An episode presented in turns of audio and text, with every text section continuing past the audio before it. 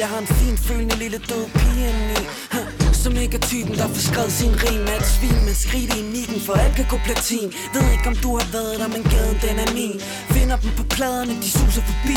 Jeg sidder op på taget af din bil Smil, unge hundemund, unge udsat.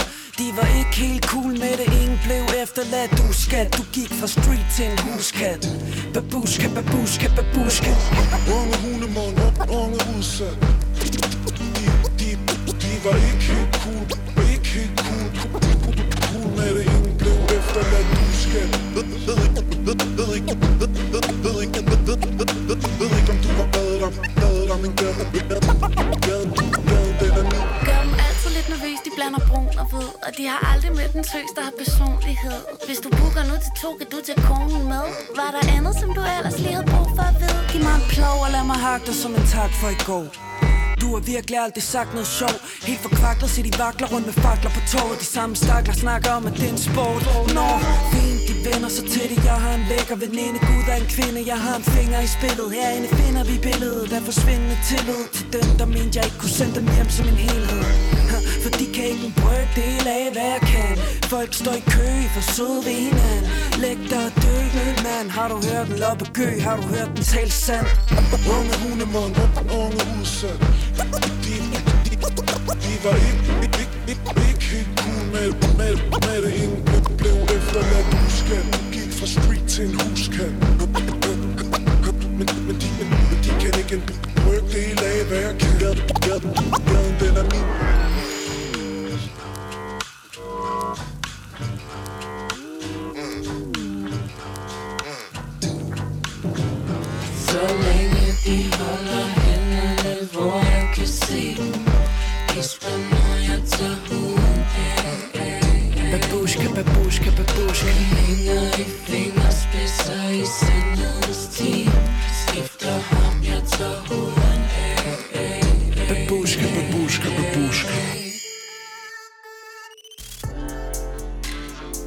Her er Frekvens. Programmet, hvor vi lader musikken tale.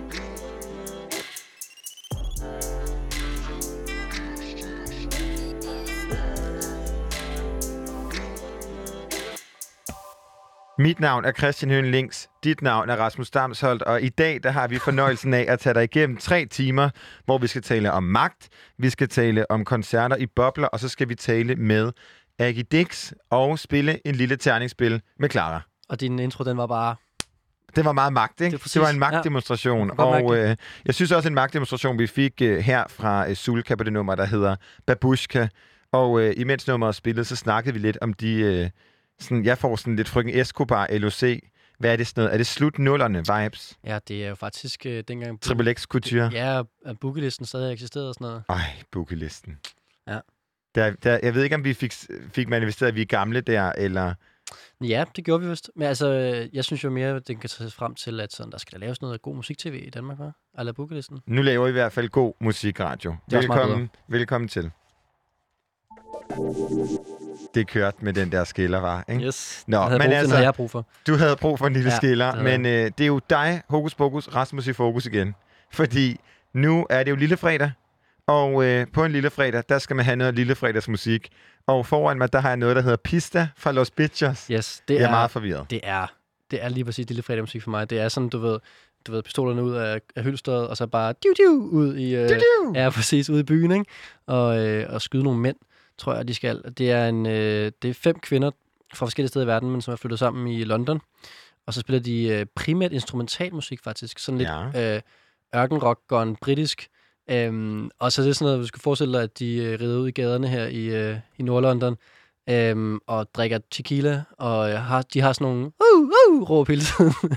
øhm, Er det sådan lidt uh, Londons svar på Pussy Riot, eller hvad? Ja, men det er lidt mere rocket. Okay. Ja, Los Beachers. ja og det er lidt mere, øh, det er lidt mere festligt end, end Pussy Riot, der alligevel trods alt er rimelig seriøst, ikke? Jo. Ja. Okay, nå, spændende. Altså, det, er- det er en lidt sjovere måde at slå mænd ihjel på. Der bliver slået mænd ihjel på Pista Great Start. Glædelig lille fredag.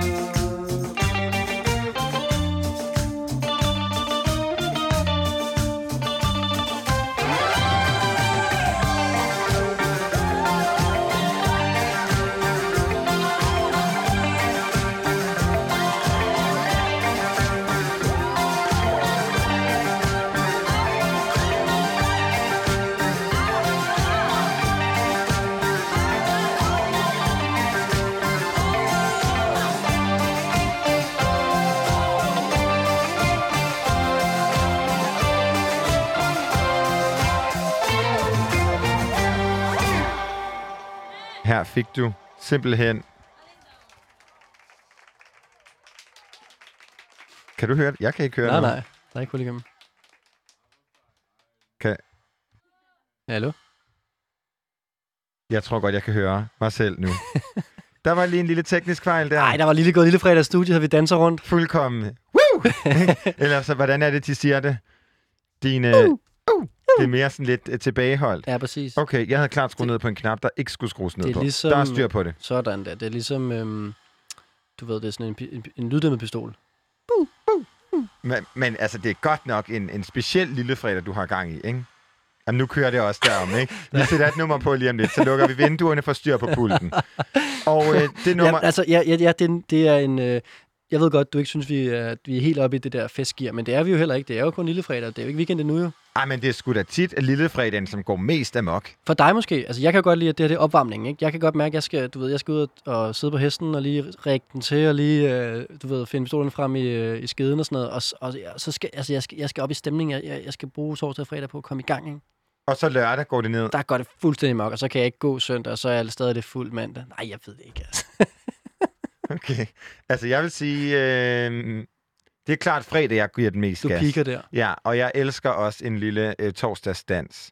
Og øh, det, der så er mærkeligt ved min øh, musiksmag, det er jo, at, øh, eller i hvert fald min, sådan, min, min hjerne og musik, En, endnu, er, endnu en. endnu en, det er endnu en grund, det er, at jeg kan godt lide at høre for eksempel Calvin Harris klokken 7 om morgenen. Okay. Eller også, når jeg spiser frokost klokken 11. Mm. Jeg har ikke sådan noget med, at jeg skal høre noget lidt mere dinner music. Mine venner hader at spise middag med mig, for jeg vil egentlig gerne bare høre partymusik. Ej, jeg hader folk, der vil, altså, generelt bare vil høre musik, når man spiser. Det er da så stressende. Nej, jeg elsker det. Nej. Og så har jeg en veninde, der altid vil høre Sade. Ja, det kan jeg forstå. Og det er jeg, er, simpelthen- jeg er den veninde. Åh, oh, hvor er det irriterende. Jeg vil gerne bare høre Ariana Grande og Calvin Harris. Og meget apropos Calvin Harris, så får du her mit lille fredagsnummer. Det er You Used to Hold Me.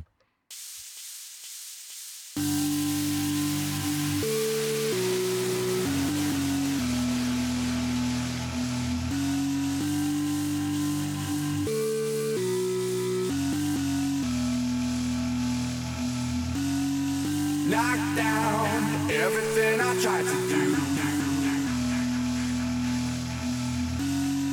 That sound, something like me holding you. I know this can make you understand. Take my spirit from my open hand.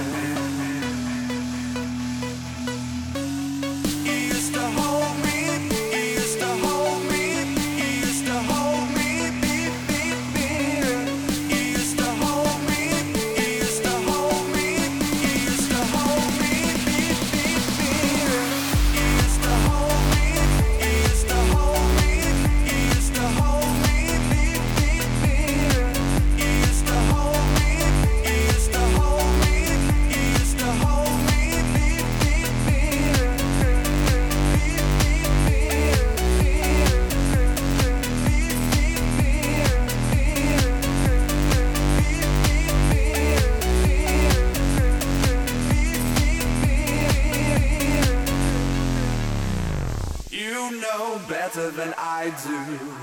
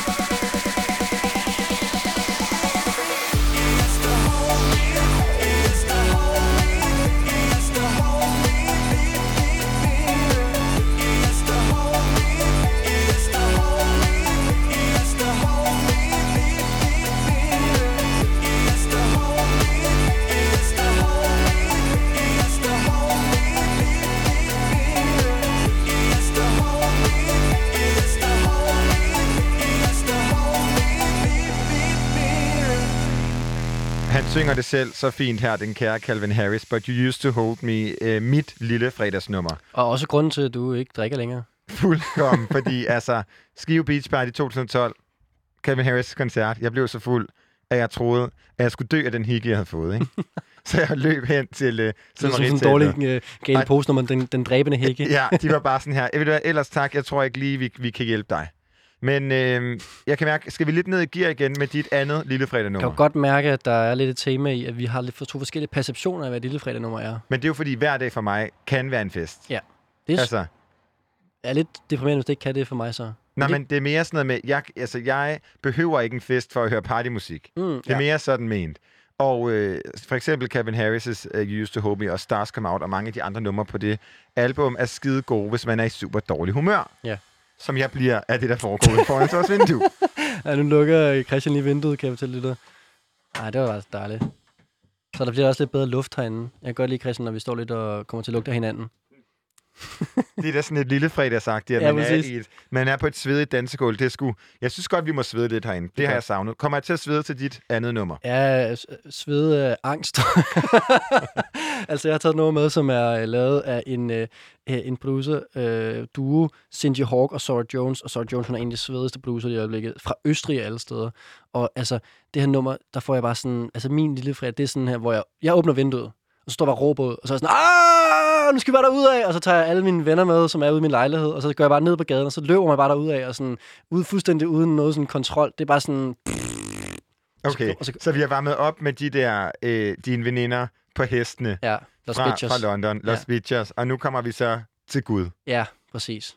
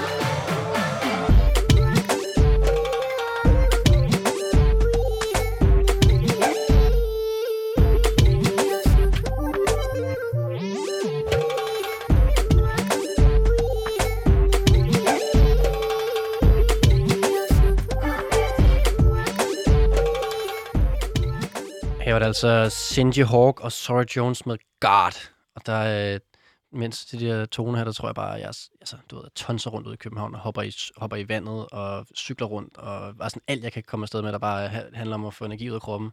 ADHD-nummeret. Jamen, og øh, det, det er jo på en eller anden måde sådan et, øh, som du også sagde, et meget filmisk nummer. Øh, det vil fungere skide godt i en eller anden film, hvor der er nogen, som løber ud af en eller anden... Altså, nærmest prøv at overveje, for Scum-scenen, hvor han løber, vil også være ikonisk med det, han har som lydside. Ja, det vil blive mere sådan psykopatisk. Ja. ja. altså, det vil blive meget... Det er jo også så godt i en gyserfilm, Ja, tænker jeg. ja. En, øh, en meget artistisk gyserfilm.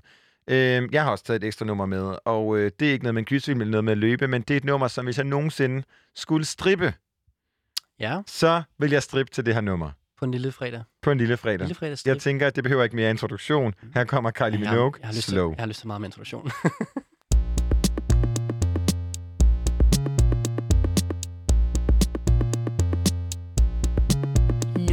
tonight. So I put my best dress on, boy, I was so right. Our eyes connected. Now nothing's how it used to be. Don't second guess it. Tracking all this feeling. Pull focus close up, you and me.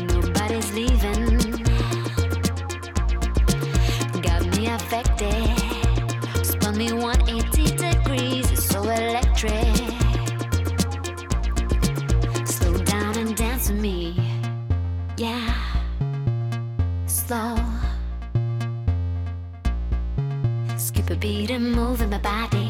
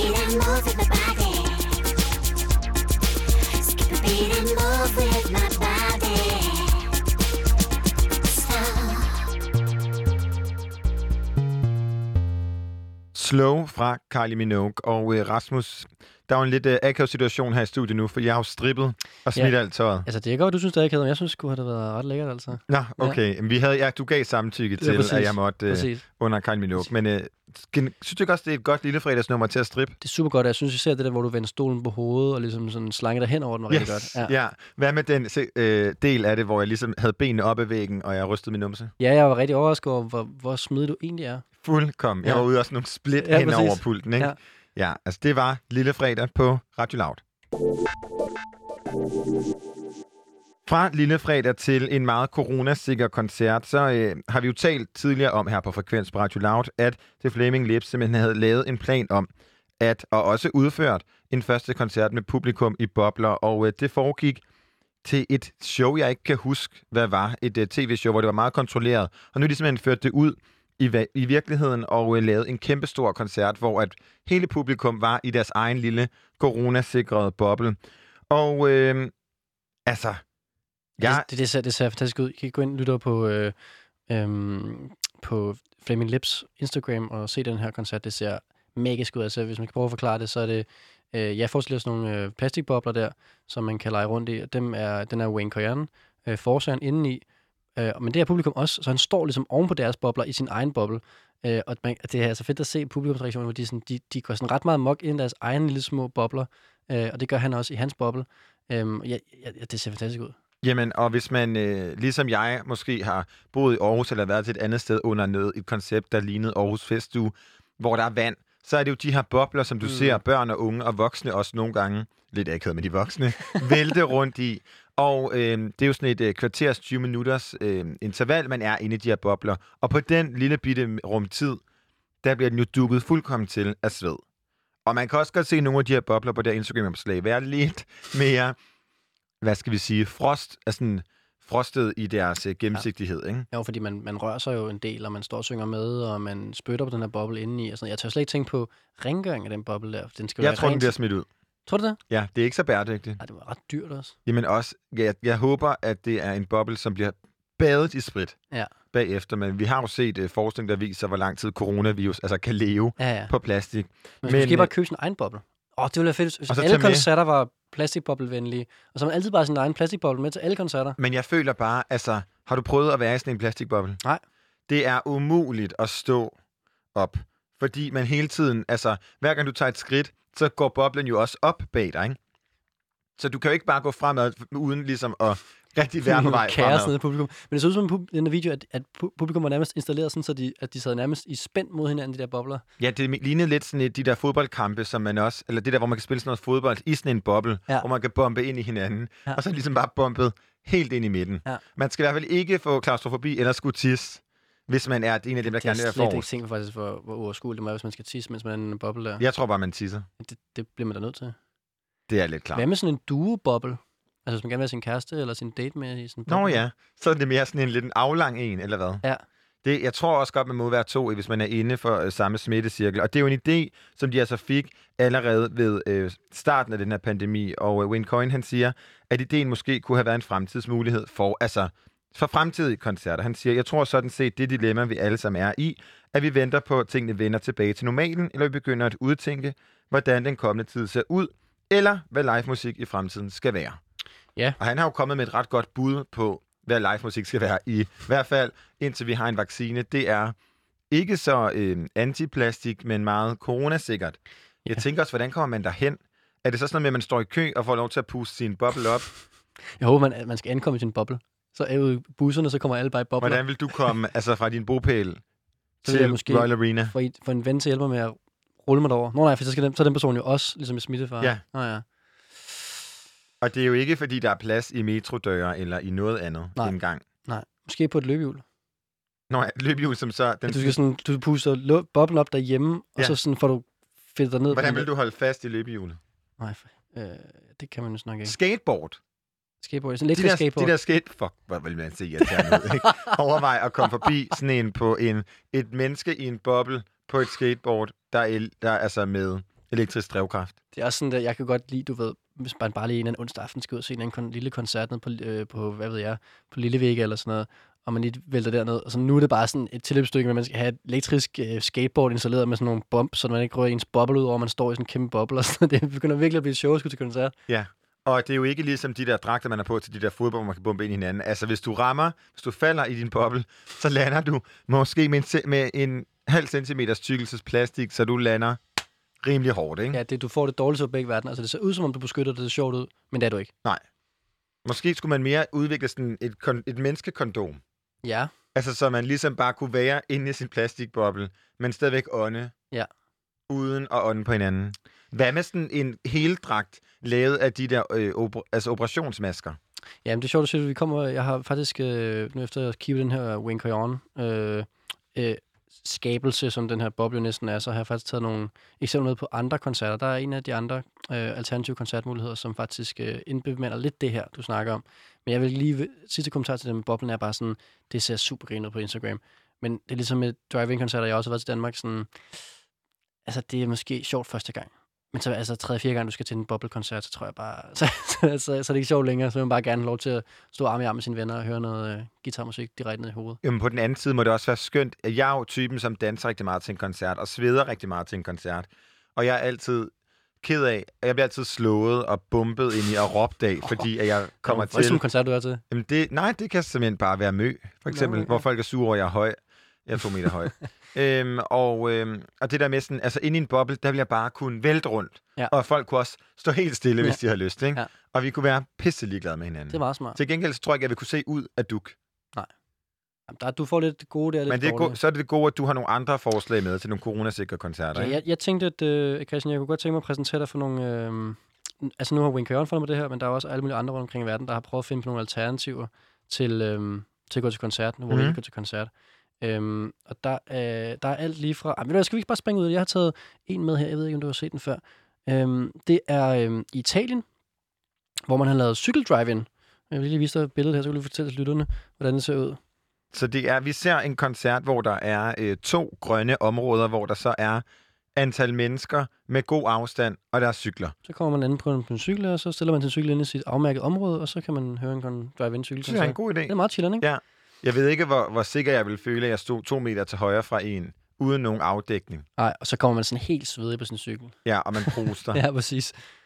ja, så, så okay. den, den, den Men det er lige... klart, den, den mest så, altså den lækreste mulighed, det kan måske faktisk, det er lidt en festivalsfølelse, ikke? Det er det, og det er jo nok også tænkt til sådan nogle lidt festivalagtige stemninger. Så er der her i Australien, hvor man har lavet en... Øh, en, en øh, øh, der har man kommet en best festivalbud, og der skal du så virkelig gøre dig umage med at forklare lytterne her, øh, Christian, hvad du ser foran dig. Jamen, det er så åndssvagt, og vi har talt om det før her på Frekvens. Det er det her koncept, hvor at scenen drejer rundt som en pladespiller, Mm-hmm. og så rundt om den, der er ligesom bygget en firkant, hvor at der er fire felter, hvor der så står mennesker, x antal mennesker inde i hvert felt, så de alle sammen ligesom kommer til at opleve. Men jeg tænker lidt, om koncerten bliver ligesom at lytte til, ligesom at når jeg taler nu, så det her ligesom så bliver sådan her, ikke? Fordi så kan man pludselig høre det igen. Jeg havde, jeg havde haft det griner over, hvis nu man forestiller sig, at... Øh, jeg skal lige snurre derud igen. Øh, jeg havde haft det griner over, hvis man forestiller sig, hvis man... Øh, hvis det ligesom var fire koncerter i gang samtidig. Gud, det kunne være smart. Ja, ja, så, og så kører, den, så kører den ligesom ikke rundt sådan, altså så kører den, så står den stille en halv time, så spiller koncert, ny koncert hver vej, og så, så roterer den i, så får man, du ved, Nu har vi begge to været til mange koncerter. Jeg tror, det kommer til at få et lydteknisk problem. ja, det skal, Det være, skal i hvert fald noget, der ligger lidt op ad hinanden. Ja. ja, det skal måske være, øhm, det skal måske være noget singer-songwriter-agtigt, så man kan Ja. skyde virkelig den samme retning. Eller skal det, altså okay, så kan du også have øh, fire forskellige tidsler, der spiller sammen, ja. hvor det sådan på en eller anden måde blender ind i hinanden lyduniverset. Alternativt så skulle man sige, at øh, det var fire forskellige, men at lyden kun kom ud i de her øh, silent disco Oh ja, høretelefoner. Silent Disco, det er jo også fremtiden. Og så kan man jo også skrue op og ned. Du var så shady, der jeg elsker silent disco. Men så kunne man skrue op og ned også, ikke? Så er der ikke dem, der synes, det er for højt, og dem, der er trætte af at høre mig synge med. Ja. De kunne så bare skrue højere op, ikke? Ja, det, Det er smart. det giver faktisk mening. Så kan du selv vælge, hvilken koncert du Silent til. disco og en maske på, så er Ja. den der. Og et visir. Den er god indtil videre, den her. Den er på. Så har jeg taget, så har jeg taget det her med til dig. Og det, Hvad er det? Og det er, øh, det er så et lidt mere øh, sådan overordnet bud, der er kommet på, at man simpelthen smutter i sådan en dragt her. Du kan måske lige forklare til lytterne, hvordan dragten ser ud, Christian. Utrolig grimt farvevalg, men det er noget turkis og noget pink og noget gult. Dragt, hvor den ligesom har sådan en bikube øh, ja. Ja. hat på, som dækker ansigtet med noget plastik, men det ligner også, der er en masse teknik. Det er nemlig, den er nemlig ikke helt udviklet nu, den her dragt, men der er det ligesom, meningen øh, viser et billede her, hvordan det så ser ud, så man går til koncert, alle sammen med sådan en form for rumdragt på her, hvor der ligesom er ventilation i dragten. Jeg vil jo dø af varme på 30 sekunder i den. Ja, den ser meget varm ud, men så kan man ligesom, fø- altså det er sådan det tætteste, man kommer på en rigtig koncertoplevelse, fordi man ligesom kan stå op, og alle, har, alle øh, du ved, kan stå tæt og sådan noget, bare man har sådan en... Tror du ikke, at den der med, altså den italienske, nej, den australske udgave, Sun, The Sunflower, Ja. øhm, er mere en, en løsning, der kan noget, end det der. Den dragt koster jo mindst 10.000. Det er rigtigt nok, men hvis du kan bruge den for evigt, han har sagt, ikke? Du, du kan også se her, der er billeder af, hvor de sidder i baren helt chilleren. Nej, hvor ser det hyggeligt ud. så var jeg to rumdragter. Nej, det ser ikke hyggeligt ud. Det ligner overhovedet ikke sådan noget fra en uh, Future-film, vel? Nej, præcis. Det kunne godt være, hvad hedder det? Troy Galaxy, Ja. Nej, det, Disney-filmen. det, der er også noget med The Look, som bare er lidt for langt væk fra, øh, hvor vi er henne. Så der, der er nogle forskellige bud her. Der er jo også øh, selvfølgelig øh, de her drive-in-koncerter i Danmark, som vi har snakket meget om. Så er der bare i, du ved, i Taiwan, hvor man i august øh, bare holdt en koncert for 10.000 mennesker. Altså, så er man undbind på, fordi de simpelthen går så godt for dem. Så det kan man også, hvis det er det. Sindssygt. Ja. Øhm, Og så var der også den koncert med Smash Mouth, jo, som var et tilfælde, altså, som resulterede i 19 procent af USA's øh, coronatilfælde lige i den periode, ikke? Ja, den er vist ikke lige med officielt Nej. i... Øhm, Det tror jeg heller ikke. Det var ikke en god løsning i Nej, hvert det er fald. det. Men jeg tror, at den der løsning med, med cyklen faktisk øh, kan videreudvikles således. Jeg kunne se i England, at de havde gjort det sådan, så man ligesom bare havde koncerter, hvor der var sådan nogle... Øhm, det er ligesom, hvis man har været på Roskilde Festival, så kender man de der handicapramper, der er om Ja. bagved, øh, hvor man nogle gange kan snude sig op på, hvis man... Det skal vi ikke snakke om. Nej, ikke et tip. Nej. Du skal lade dem, der har brug for den være der. Okay, Yes. den er hermed skudt ud til mine venner fra 2018. Roskilde. Nej, hvad hedder det? Men, men de der, du ved, de der ramper der, så får du ligesom, der bare er 300 af dem. Ja. Og så har man ligesom sin egen rampe, så ankommer man, og så skal man ligesom på den rampe der. Med sådan en høj plastikvæg. Ja, det vil godt sige. Ja. Vi står jo her i et lille lukket studie og øh, prøver nu at genskabe, hvordan at koncerten altså var med The Flaming Lips. Det er det. Hvad for et nummer skal vi høre? Åh, oh, jeg synes, vi skal høre... Nu, nu, også nu nåede jeg vist længere gang til min artikel. Jeg har jo jeg har godt, jeg har glædet mig til at citere den her Gaffa-artikel, som, han, som handler meget om Nå, Nå, ja. fremtidskoncerter. Ja, der kan jeg citere en fyr, der hedder Rasmus Damsholdt. Nå ja, han skrevet- lyder klog. Ja, men han lyder rigtig klog, så jeg, han har skrevet noget omkring, at der jo også er mulighed for virtual reality-koncerter. Det lyder da fantastisk. Det er jo, og det er jo, øhm, det er jo det her med, hvor man ligesom tager sine, øh, sine 3D-briller på, Ja. og så kan man, øh, så er, ligesom, kan man beames rundt i et Fantastisk. virtuelt øh, spillested. Ja, ja, og det er jo det, som de både har gjort i, hvad var det, Travis Scott gjorde det i Fortnite, Ja. og 100 Gigs har gjort det i Minecraft. Præcis, men man kan gøre det endnu vildere, hvor man ligesom får lydoplevelsen med os, hvor man ligesom står til en koncert, hvor der er blevet filmet i et koncertvenue, hvor man Mhm. kan, du ved, beame sig ned backstage, beame sig op på siden af scenen, beame sig ned bag i publikum. Du skal prøve at se Copenhagen Prides platform fra i år. Den var meget sej. Ved du hvad, den har jeg faktisk godt set, fordi at, øh, jeg kunne godt tænke mig at lave noget af det samme med nogle af mine artister, fordi det er så mega sejt. Jeg kan sige til lytterne, det er sådan det her argument reality, hvor at, øhm, man ligesom får en eller anden 3D-oplevelse omkring den optrædende, fordi det ligesom er et lysshow om bagved, som, hvor det føles som, at de her optrædende står øh, inde i den kasse nærmest, hvor der sker ting omkring dem. Og den første, hvis man gerne vil tjekke det her ud, så skal man se Katy Perrys optræden øh, til et awardshow. Jeg selvfølgelig lige glemt, hvad hedder. Men hun var den første, der, der lavede det her argument reality, hvor der, hun går rundt, og så sker der bare ligesom, så går hun rundt på, så kigger hun ned, så kan man bare ligesom se, der forsvinder ting under hende, og hun bliver, så er der en stol, der kommer ind, og sådan, altså sådan, hvor det ser ud som, det sker i 3D. Øhm, det er helt klart noget, vi kommer til at se mere. Det er ret vildt det der med, som, som altså, man kan sige, Katy Perry var i fjernsynet, så der var det så i fjernsynet, men, men det, det Pride har udviklet, kan man også godt se i virkeligheden. American Idol. American Idol, tak, ja. Øhm, så så, så der, er, der var ligesom også en masse ting engang, inden corona kom, som nok kommer til at gå endnu hurtigere, nu med at blive udviklet, ikke? Jo, jeg tror aldrig, det kommer til at erstatte den følelse, det giver at stå til en koncert. Men indtil vi kan det sikkert, så prøver vi at genskabe det. Nu kan du tage nogle gode høretelefoner i og høre. Ja, nu skal du høre The Flaming Lips med Yoshimi, Yoshimi Battles The Pink Robots Part 1.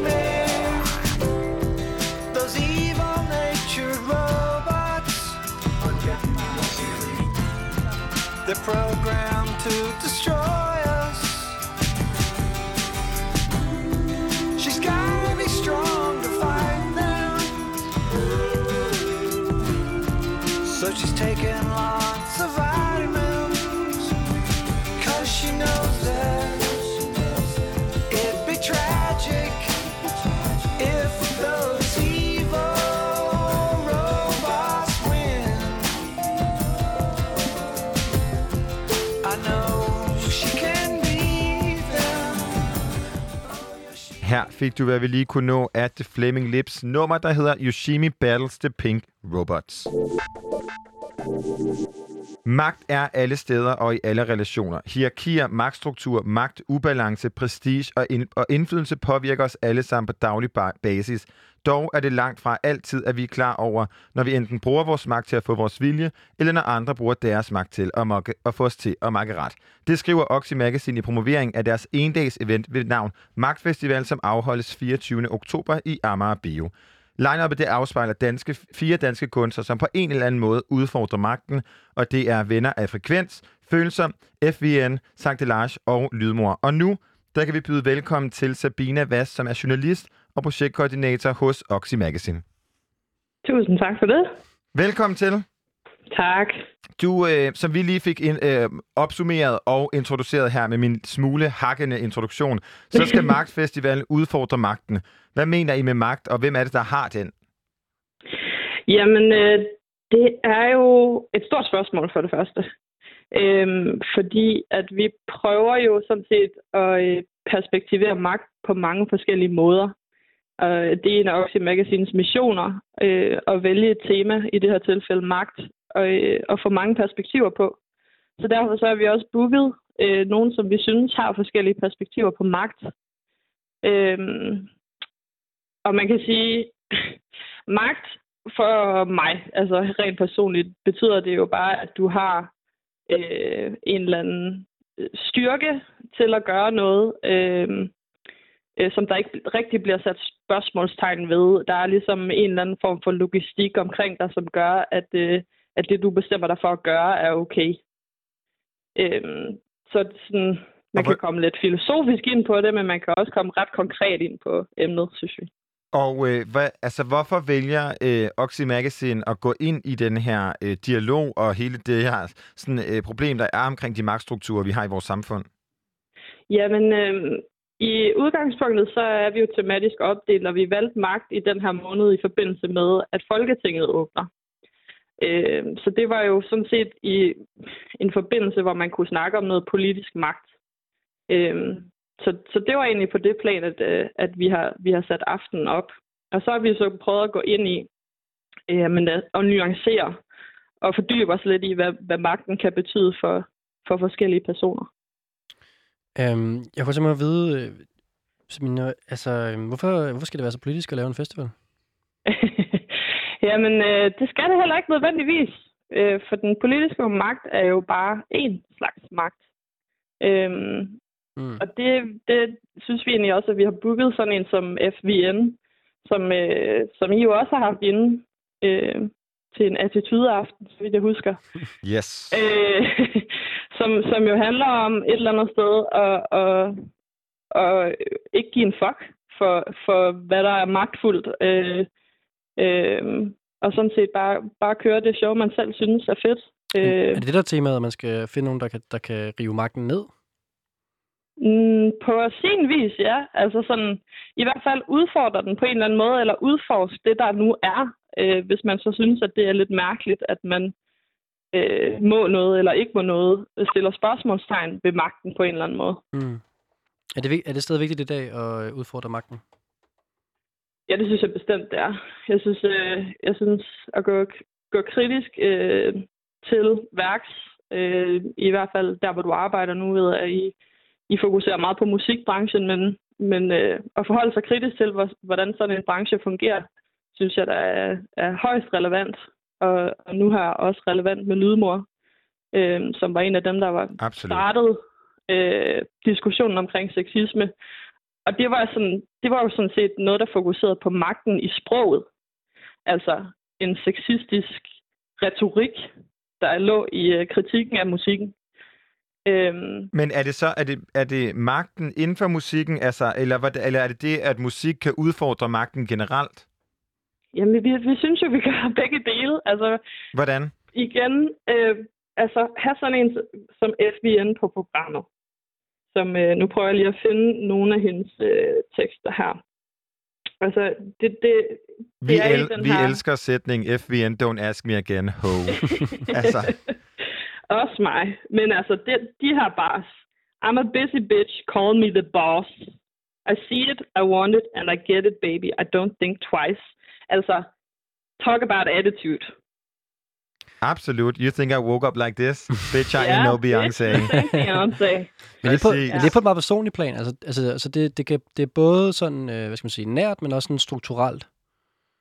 Det synes jeg, altså jeg synes igen, at altså, for, for hver eneste gang jeg snakker med nogen, og nu snakker jeg med jer om magt, og I har sikkert en helt øh, personlig opfattelse af, hvad magt er. Øh, så det, vi vil også gerne stille nogle spørgsmål. Altså, øh, lige i dag har jeg sådan en pressemeddelelse ud til en række medier, hvor jeg spørger, kan man se magten? Øh, har den et sprog?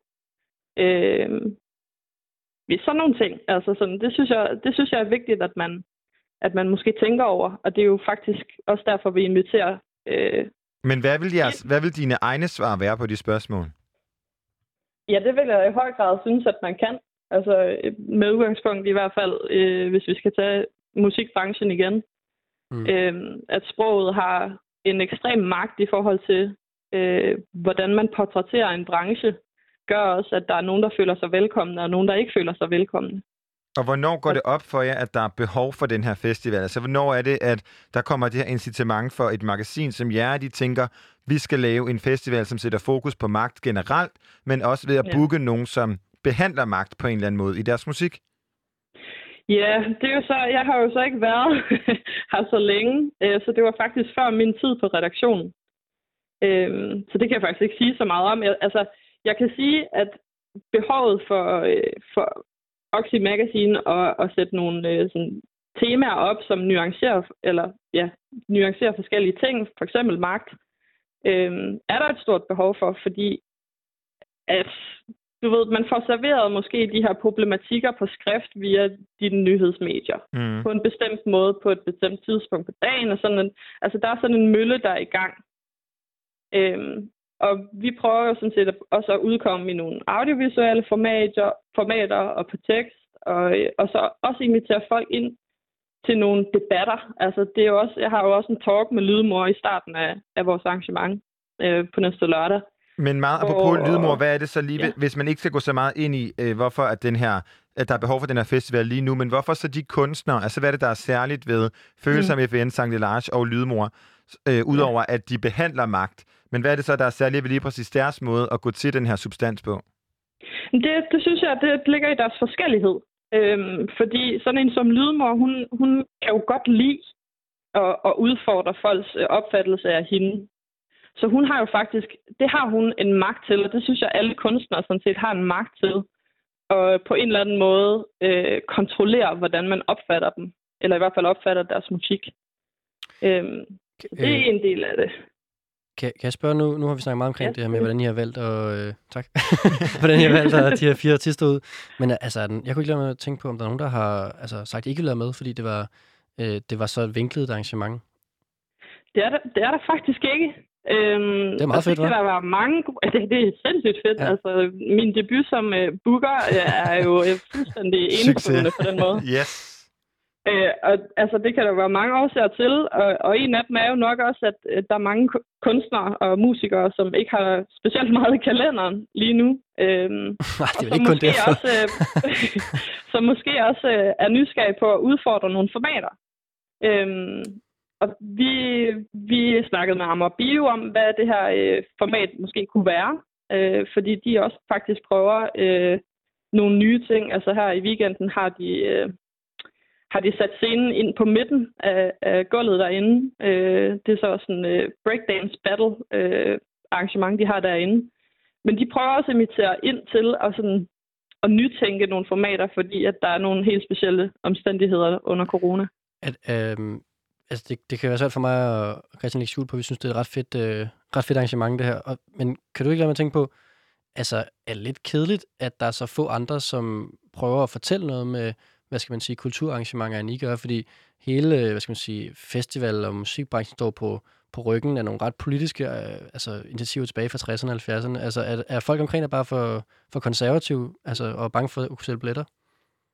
I forhold til at udfordre koncertformatet, tænker du? Ja, eller? og altså, at have, den- altså, have en holdning til det, man laver, altså at I gerne vil vise noget, der, der, der er mere end bare musik. Ja, jeg synes, jeg synes klart, at øh, folk er generelt bange for at være for værdibaseret i, øh, i måden, de arrangerer øh, kultur på. Øh, altså, jeg er ikke sådan en, der sådan, siger sådan, at man skal præsentere al kultur hele tiden.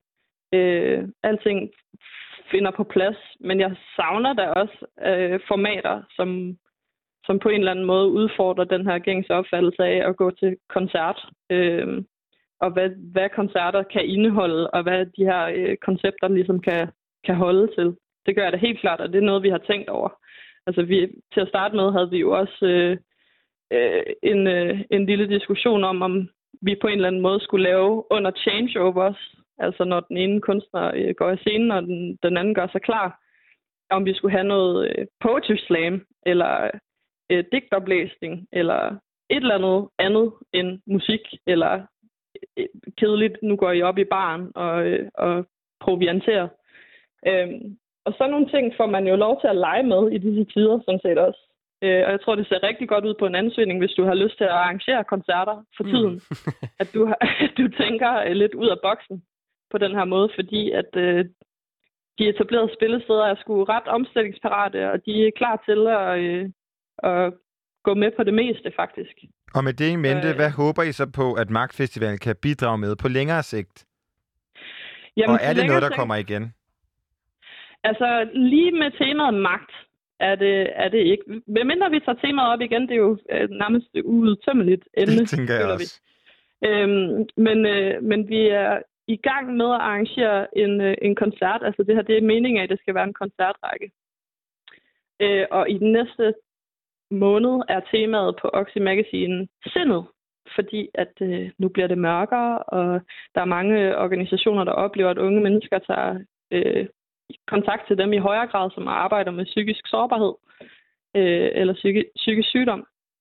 Øh, så der regner vi med at sætte noget op, øh, som lidt har samme format, men måske også udfordrer det.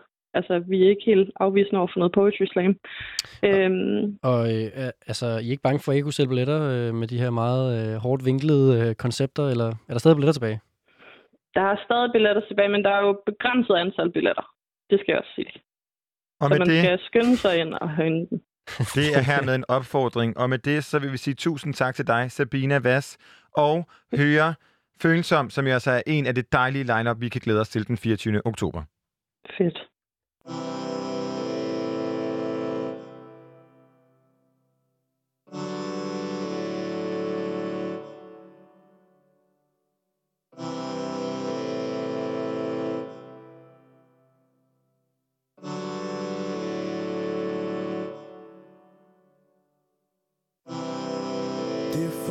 For mig at bære. Svært at vise dem, hvem jeg er. Når det sker gennem mit bære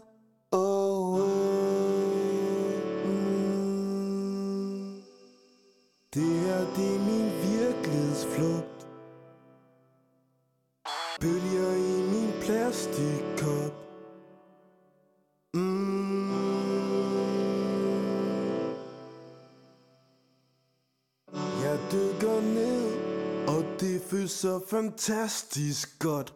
Jeg dykker ned, hvornår vi det er vanvid stop? Jeg dykker ned, og det føles så fantastisk godt. Jeg dykker ned, dykker ned. Mm.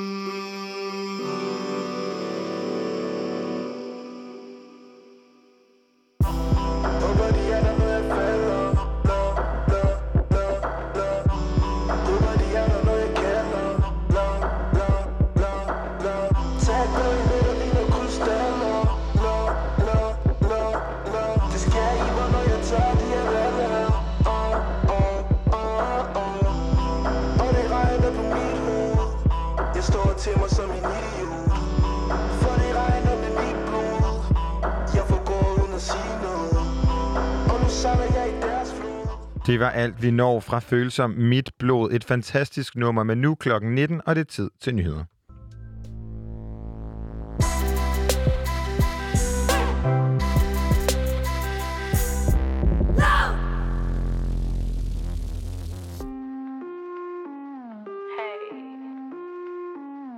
Okay. FEM, don't ask me again. How? Talking all that shit outside your mouth. Rapping on my cause I'm from the south. Pause. Step to me like you really about, nigga. Pause. Post a nigga just to get some clout, bitch. Hey. I don't give a fuck if you don't like me, ho. Three bad bitches say my hung out on the block. Your no job, having ass, couldn't get a pass. You better come correct, tryna keep up with this class. Ayy, I'm a crazy bitch, I shit. I get it how I want it, ain't the one you wanna argue with. Pull up with the gang, looking thick in them tight fits. All that lurking ain't gon' make you get it, so just quit, bitch. First I kick it in the east, then I'm flying out to west. Don't matter where I am, they all say that I'm the best. I'm just out here doing me, give a fuck about the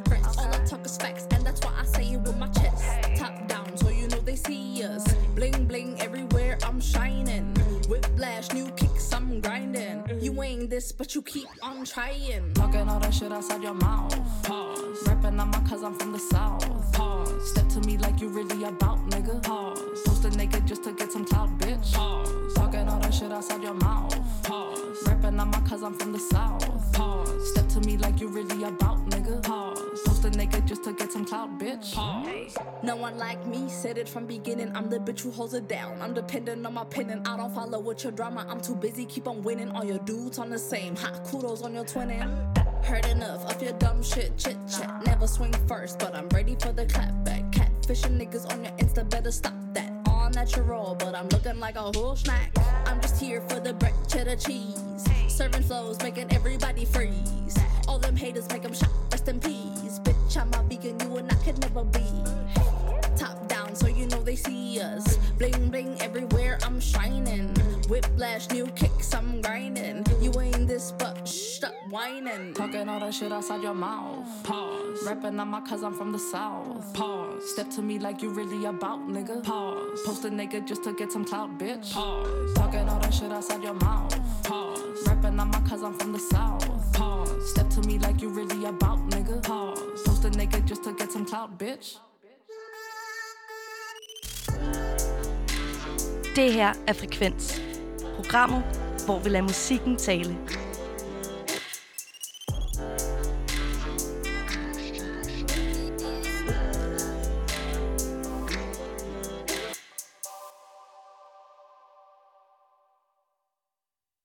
Det er nemlig rigtigt, og du lyttede lige til Intet ringer end FVN's nummer på, som altså er en del af det, vi også kan opleve på Magtfestival, der den 24. oktober løber af stablen her i København.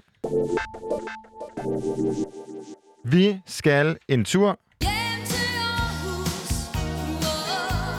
hvor Aggie Dix hun bor. Hun er eksperimenterende med sin musik, men beskriver det selv som neo-soul, hip-hop og R&B. Rigtig hjertelig velkommen til, Aggie. Hej. Hej! Var det ikke dejligt med den lille hjem til Aarhus-sang? Jo, det var så smukt. Nå, det er godt. Prøv at høre her. Hvordan er din lyd eksperimenterende?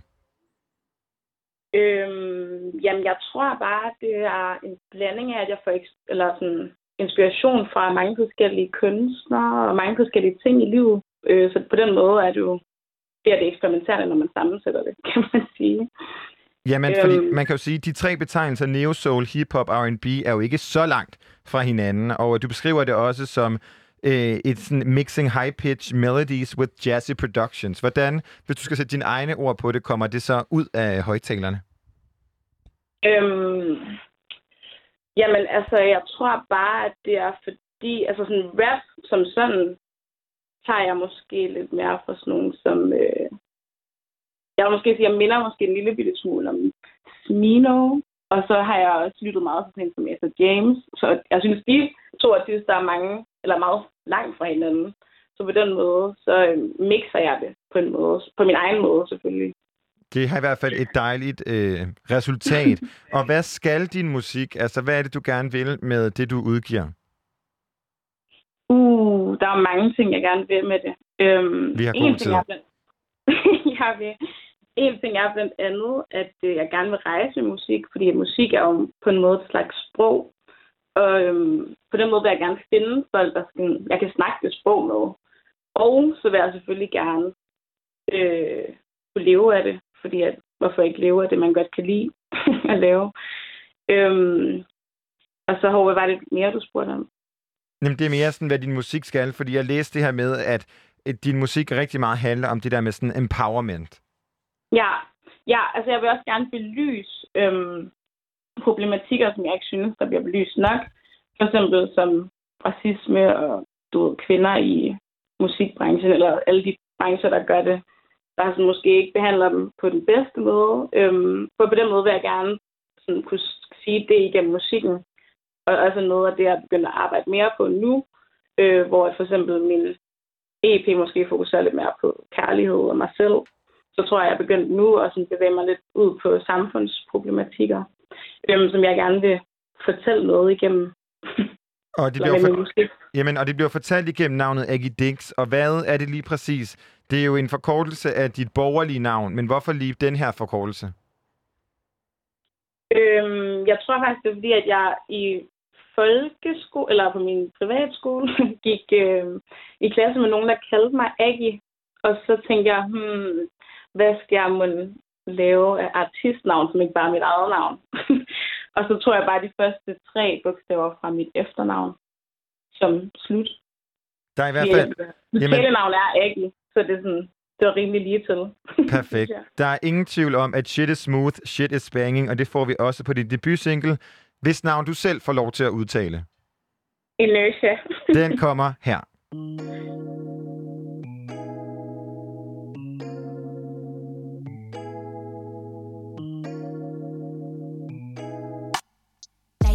Life is like a dice, one, two, three, and then you throw it down. Show you what you own, but in the next move, it's gonna let you drown. Face down, feeling I get when you're not around.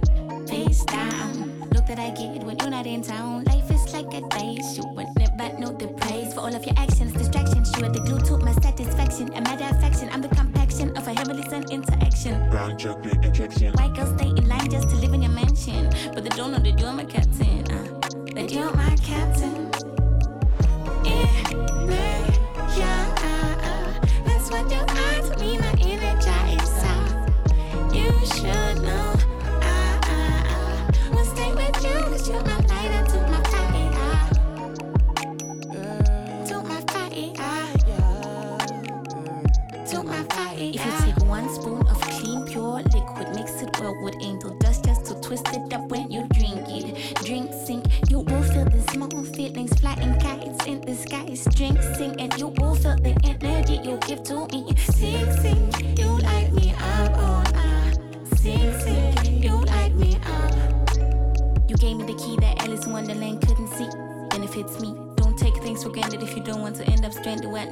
melodies to beat. Just say thanks and enjoy the life that you were given to complete.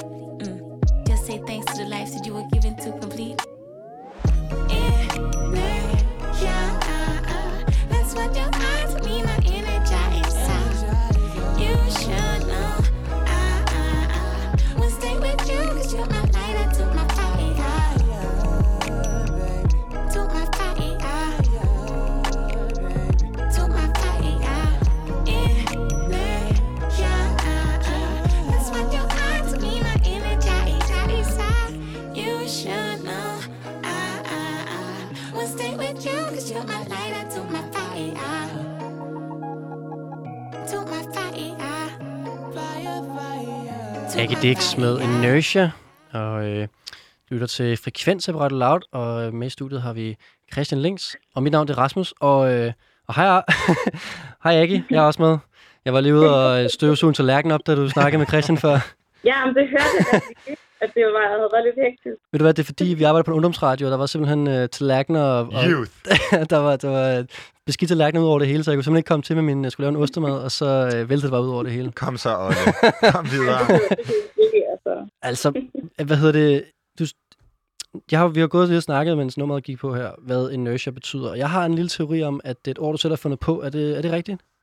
Ja, det er korrekt. Og hvad betyder Men det det er, så? jo lidt en, øh, det er jo lidt en blanding. Altså, I kender, I ordet inertia, altså med i? Det googlede jeg mig til. Ja, fordi det er sådan lidt en blanding af Hvad det ord, det? Så bare med, så har jeg taget e'et fra energi, og så puttet på, og så lavet sådan lidt en kombination af det ord. Prøv, prøv, prøv, du skulle måske sige til vores lyttere, fordi jeg ved jo godt, hvad inertia med i betyder. Men hvad, hvad, hvad betyder det egentlig for vores lytteres skyld? Åh, oh, ja, men jeg tænkte faktisk godt, at jeg ville blive spurgt om det her spørgsmål en dag. Og, øh, Hvem googler, hvem googler det hurtigst? det er lidt, altså det er sådan lidt, hver gang jeg forklarer det, så tænker jeg selv sådan, wow, hvor er det egentlig dumt, jeg lavede det ord.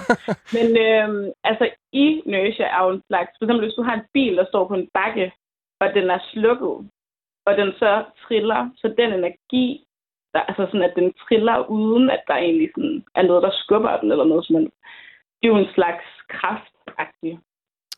Altså, er det, er det ikke tyndekraften, er det det? Jo, men altså, jeg ved ikke, men det er også det, der er så svært ved inertia, fordi det er sådan, at det er så svært at beskrive det derovre. Det er ligesom den der, når man har de der kugler på, på stribe. Er det ikke det? Og så man Ja. sætter dem, får dem til at klinge hinanden. Vi er kommet frem Ja, til det det samme det, man- googling, altså, det Google-resultat, Rasmus.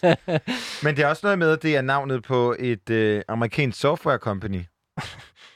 Ja, det har jeg også lagt mærke til. Det er så Men, Det er så men prøv at høre, Aggie, i din verden, så er det, har det ikke noget at gøre med ikke at kunne være alene, synes jeg? Øh, altså sangen? Inertia? Øhm, nej, men jeg tror mere, altså det var jo godt nok lige min første sang, jeg sådan rigtig lige fik lavet, så jeg tror også, at teksten, den, øhm, den kunne jeg måske godt have lavet lidt bedre, men altså, det er lidt en, øh, altså en form for kærlighedssang, som ligesom snakker om, at, øh, at man kan få skabt en bedre energi med en anden, eller ikke en bedre, men en anden slags energi, som man ikke rigtig kan få skabt alene. Mm. Det er ikke fordi, at, man ikke kan, altså, at jeg ikke kan være alene, men sådan mere en slags, øhm, ja, en energi, man skaber med en anden person. Det, det her med en anden person, det, det virker lidt som et tema på EP. Nu nævnte du også før selv, at det handlede meget om kærlighed, og altså, kan vi godt kalde hele den her EP, og som jo er en, en visuel EP, for, altså, det er kærlighed er det store tema, og kærlighed til en anden person, ikke? Jo. Er det, er, det, er, det, er det sådan en ode til den monogame kærlighed? Fordi det er meget sådan noget med, at man, du ved, man skal... Jeg, jeg kunne godt se, det handler meget om det med at kæmpe for kærligheden, og, og kærligheden til en person, som står mig meget nær. Jo, det kan man. øh, Altså, men jeg vil også sige, altså nu har I ikke hørt hele EP'en, fordi den visuelle EP er en slags promotion for den fulde EP. Okay. Og den fulde EP, den har også nogle få elementer af womanhood og noget, øh, og noget self-love. Øhm, så det ikke kun er kærlighed til den anden person, men det er så, ja, det får jo så at høre. Vi kommer jo til at høre to numre, som vi laver premiere på. Øh, det skal vi om ikke så længe, men først så skal vi lige vende tilbage til også åbningsnummeret, dit debutnummer, men også åbningsnummeret på den her visuelle EP, Inertia, ja. som der ligger to versioner af på Spotify. Hvorfor? Der ligger to versioner af den på Spotify. ja. okay. Det har jeg godt nok ikke lige set. Nu skal vi lige tjekke ud, ikke? Vi havde en teori, om det var sådan en explicit og en ikke-explicit version, men det er måske bare os, som har tolket over, eller hvad? Øh, ja. Altså lige nu er jeg i gang med at skifte distribution. Det kan være, Øhm, det er det. Ja, det er højst sandsynligt det. Nå, Det er lidt mere lavpraktisk. Altså, jeg kan også se, at det udkommer to forskellige pladeskaber, kan jeg afsløre. Okay, det var kedeligt og praktisk. Vi troede, der var sådan en... Vi håbede, at det var sådan noget med, at du havde sådan en transatlantisk drøm om ligesom at udkomme et sted, hvor at man ikke måtte sige fuck, eller man ikke måtte sige whatever. Okay. Nå, vi har store drømme for dig, kan du godt høre. Og pas på ikke at miste din place, når du skifter, ikke? Ja, husk nu øje med placene. Ja.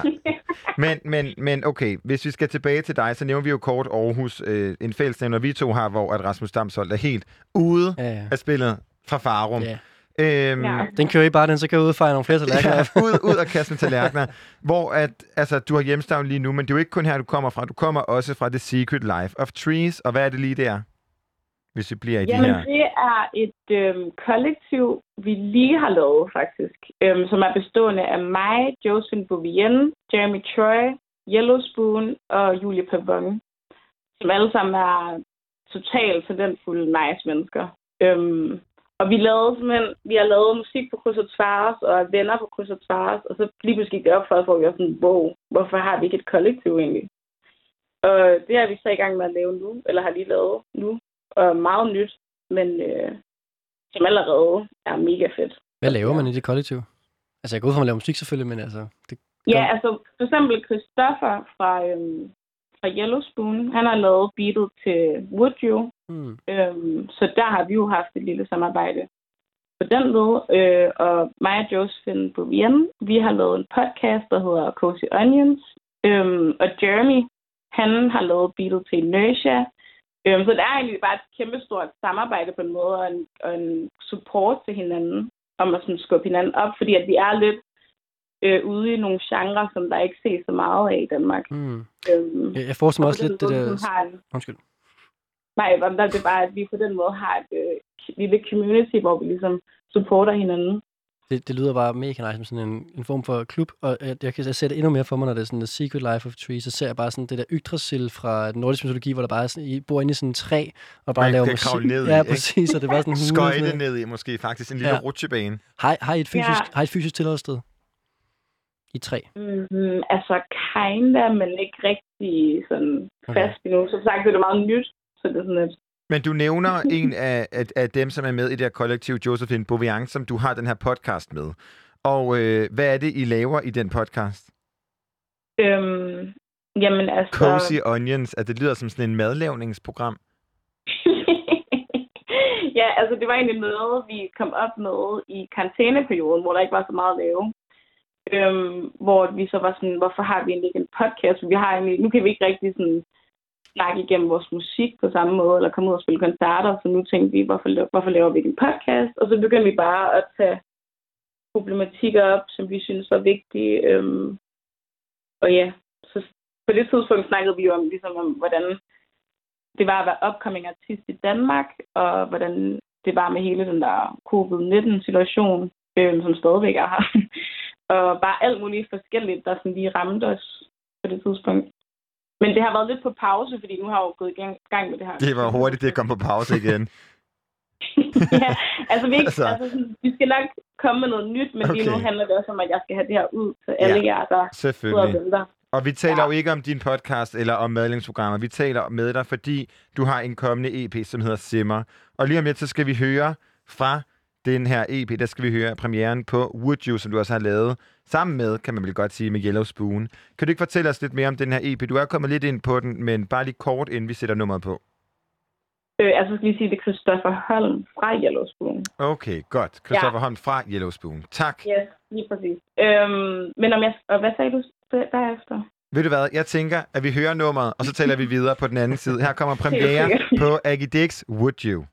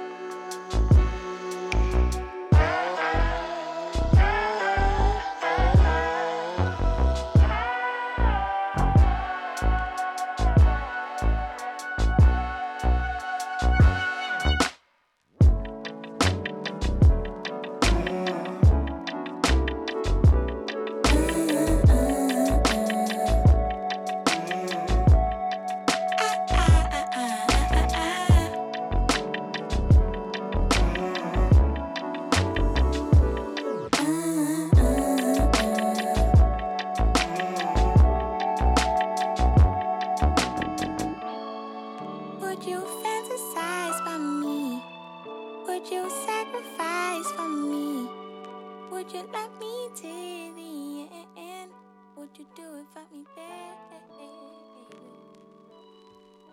Would You fra Aggie Dick, som altså vi har fornøjelsen af at have med på en telefon her på Frekvens.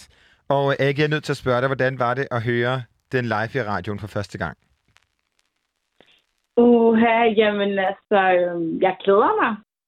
Det er sådan det eneste, jeg kan sige. Jeg glæder mig til, at den kommer ud, og jeg glæder mig til, at jeg kan få hele projektet ud, så folk kan se den store sammenhæng i det hele, og hvad jeg går ud på og det hele. Du skal tænke på, Ag- Aggie, nu har folk jo hørt den her, så har de sikkert siddet hjemme og rippet den, og øh, klippet den ud, og så hører de den derhjemme. Og repeater den. ja, præcis. Nu skal du ikke skræmme hende væk. Vi har et nummer endnu, ikke Rasmus? Nå ja, Nå, ja fan, vi har fået lov til at spille lidt mere. men, men Aggie, hvordan adskiller det her nummer sig fra Inertia, som jeg klart udtaler forkert? Jamen, hvad hedder det? øhm, Altså, Wood jo er lidt mere en øh, sang-sang. altså, sådan normalt så plejer jeg, jeg startede med at rap, og har egentlig ikke rigtig nogensinde sunget, som har været meget underligt for, for mig at sådan skulle gøre. Men, øhm, Lad os lige holde her, der. Hvorfor skifter du fra rap til sang? Nå, men jeg, er jeg er ikke skiftet overhovedet. Okay, jeg har er bare fået, udforsket. Ligesom, øh, ja, jeg har bare lige udforsket. Det også det, der er med min øh, personlighed. Der, jeg kan godt lide nye oplevelser og nye udfordringer. Øhm, så jeg tænkte, ved du hvad, det her beat, det trænger sgu til noget sang. øhm, og så prøvede jeg det ligesom af, og så blev det til det her nummer. Og øhm, ja, altså, øh, jeg synes, det er rart at synge her. Så altså, det er ikke Og- fordi, at jeg kun rapper. Jeg synger for det meste også i omkvæd. Og det er her, vi er på vej væk fra den her øh, tosomhedskærlighed over i det mere øh, øh, singulære kærlighed. På Ja, men det er faktisk, det hele startede faktisk lidt med, at jeg var på vej ind i et forhold, der lavede den her sang, Mm. som ikke var helt nemt. hvor det ligesom stillede mig det der spørgsmål, eller mig selv det der spørgsmål, eller nej, ham spørgsmålet. Øhm, altså ind i mit hoved, ikke? Og så var jeg sådan, ja, er det egentlig, altså det tænker jeg, de fleste folk vil have facet, sådan, Jeg tænker bare, det ikke er, tvivl. det er jo bare ikke så meget inde i dit hoved nu, hvor det er en sang, du er ved at udgive. altså, Nej, nej, men altså sådan tekstmæssigt, Mm. at have det der spørgsmål, vil den anden person ofre lige så meget, som jeg vil ofre for den person? Fra, fra Det, er jo ret, det føler jeg er sådan ret common. Mm. Øh, Absolut.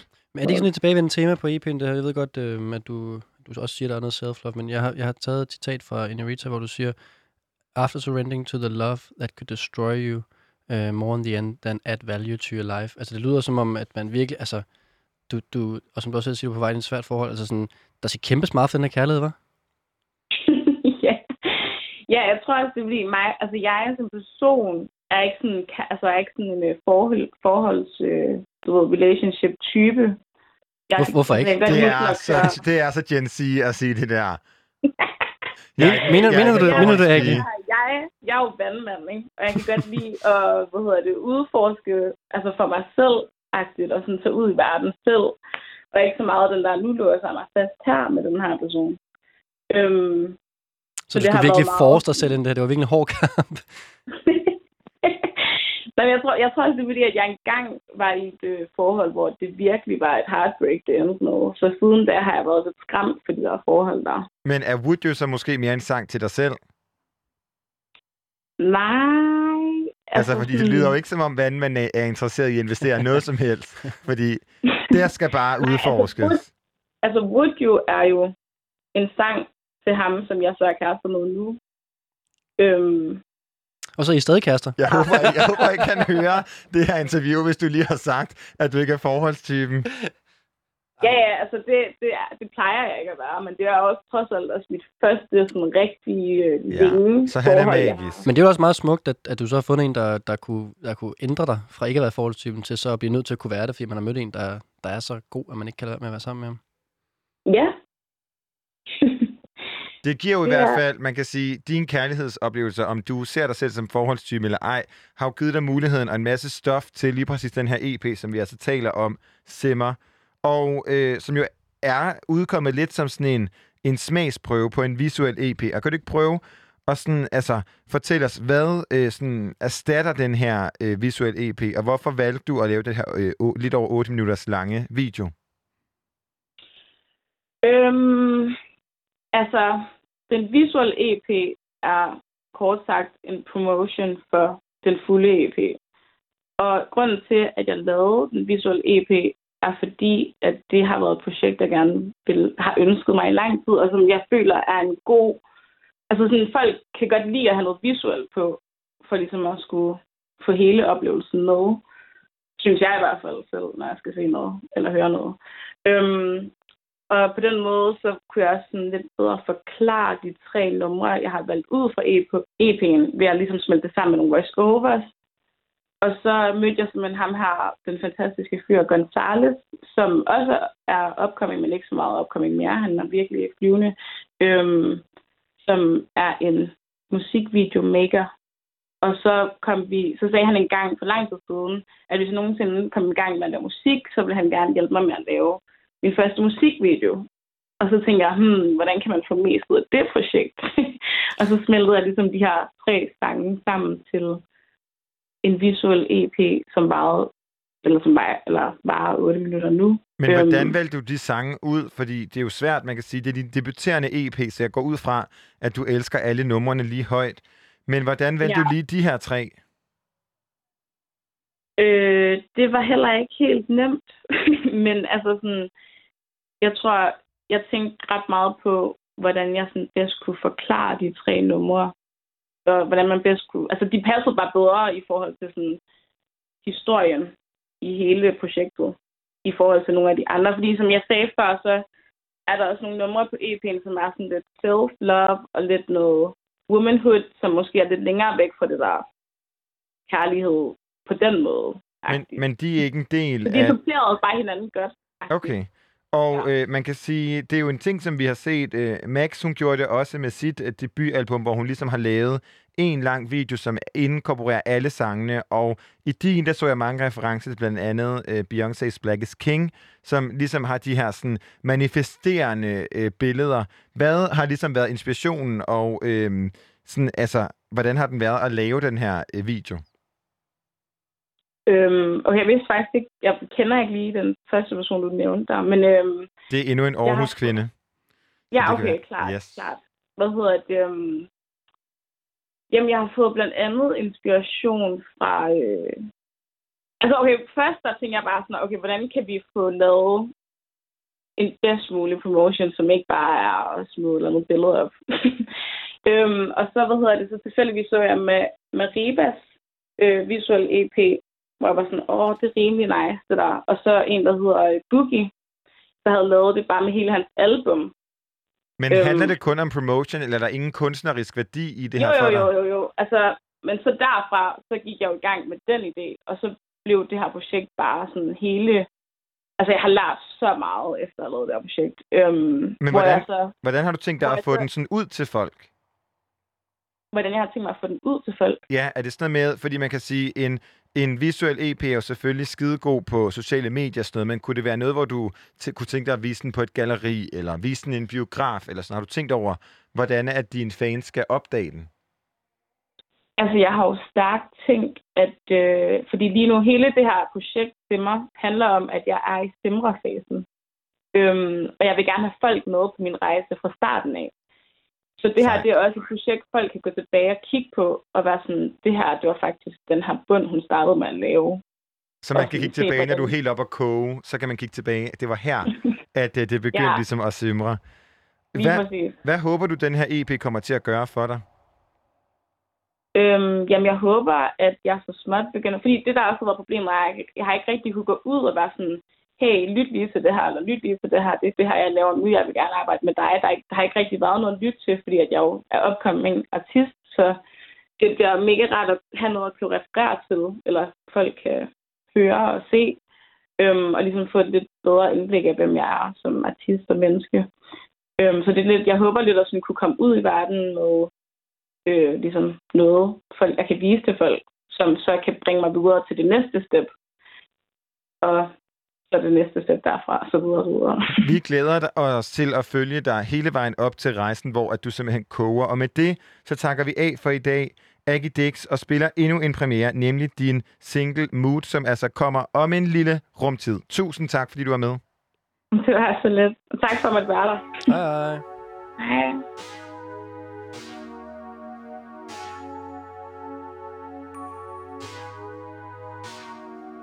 I dress like my mood, I fight like I should. With words and a third eye that tells me why I should go hide. That's how I'm feeling when I'm not dealing with my underground demons. I fight them every weekend, yeah, I fight them every month. Uh. Yeah, when the moon stills my eyes and kills the beauty in the sun. Mood switches, don't come fuck with me again. And please just go and tell them. But hold up, hold up, I'm not always cayenne. That's just my mood number one out of ten. Yeah, that's my mood number one out of ten.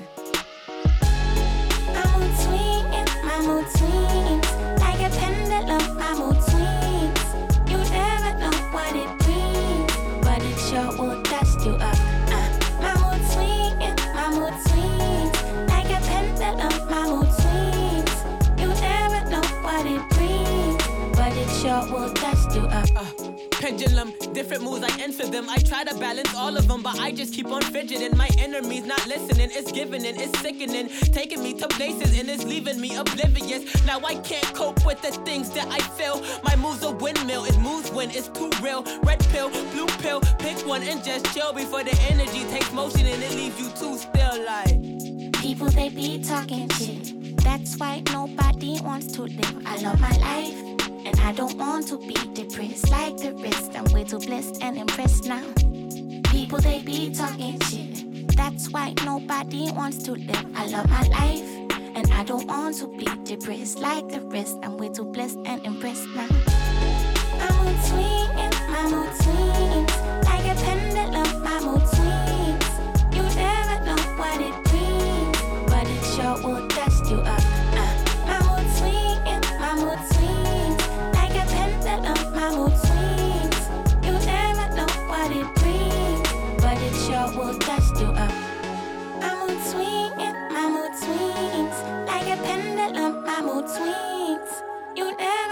What it brings, but it sure will dust you up.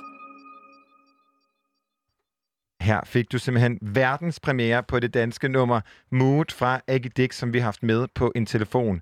Og øh, dejligt, dejligt nummer, og jeg glæder mig til at se, hvordan den her rejse. Jeg er ret glad for de her visuelle EP'er, også Maxis visuelle øh, sådan, album, som jo ja, man ikke kan kalde det. Men Har du taget mod til at sidde og kigge på en, øh, en 8 minutter lang musikvideo? Ja, det har jeg. Nå, okay. Øh, og særligt, når der ligesom i Aggie Dixis er de her øh, sådan, talte øh, episoder. Jeg var også typen, som glædeligt så Black is King, Beyoncé musikvideoen, som jo er en halvanden time Mm. øh, forsamling. Jeg elsker, når øh, det, sådan, det kunstneriske får på en eller anden måde sådan et ekstra lag. Øh, et af mine yndlingsvideoer ever er Lady Gagas øh, GI, GIY, øh, som bare er sådan et 8 minutter, hvor at der er sådan lidt musik, men der er også bare overproduceret video, og øh, det gør sådan mit lille visuelle, æstetiske hjerte rigtig glad. Det er også fedt, at der er nogen, der bruger tid og energi på det, fordi at, øh, du ved, nu sidder jeg også ved siden af radiovært og, være- og manager, og det er sådan, det er bare, altså man kan bare se pengene forsvinde, når man begynder at gå ind i musikvideo, fordi det er skide dyrt at lave en flot musikvideo, og der er bare ikke så mange, der ser det længere, og der er ikke så mange platformer at putte det ud på, altså i gamle dage, hvor du bare havde, du ved, MTV og Bookelisten, der skal komme efter dig, hvor at nu er der jo bare ikke, der er jo dine egne kanaler, ikke? Øh, Præcis. Så det, det, det, er en ret stor effort, der skulle gøre kunstnerisk og økonomisk for at få det ud. Ja, det er dejligt, når nogen gør det. Jamen præcis, og øh, Becca, som også har været her på programmet, og jeg talte lige i dag om Be- Baby Rexa og Doja Cats nye musikvideo, som er så vildt produceret, og Doja Cat kommer bare med nye videoer hver måned. Altså det må være en kæmpe, kæmpe, kæmpe omkostning, men jeg tænker samtidig fra sådan en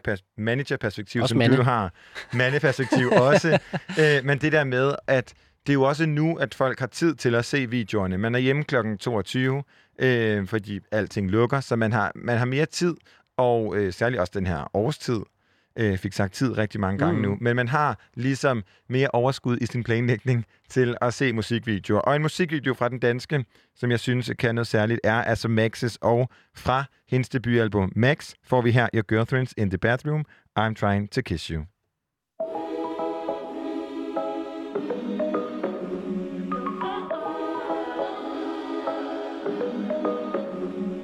It's funny if you think about for a sec. Standing in her kitchen, we were such a mess. Leaning in for a kiss, nothing new, hit or miss. I don't wanna think about it for a sec. I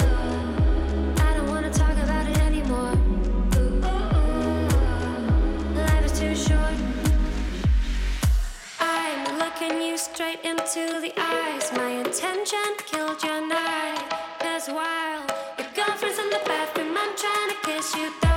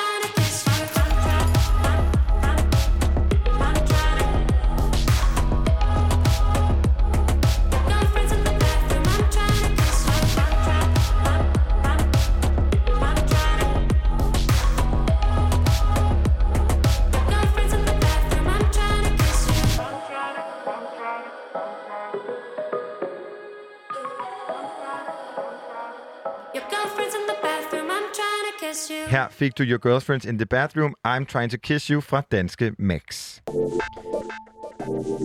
Og nu skal det endelig være sjovt. Lille fredag! Jeg kan sige lytterne, at vi spiller Lille Fredag hver torsdag her i øh, Frekvens på Radio Loud. Og sidste uge, der fik jeg lov til at bunde en lunken øl lige inden øh, jeg skulle interviewe yes. Lucy Love.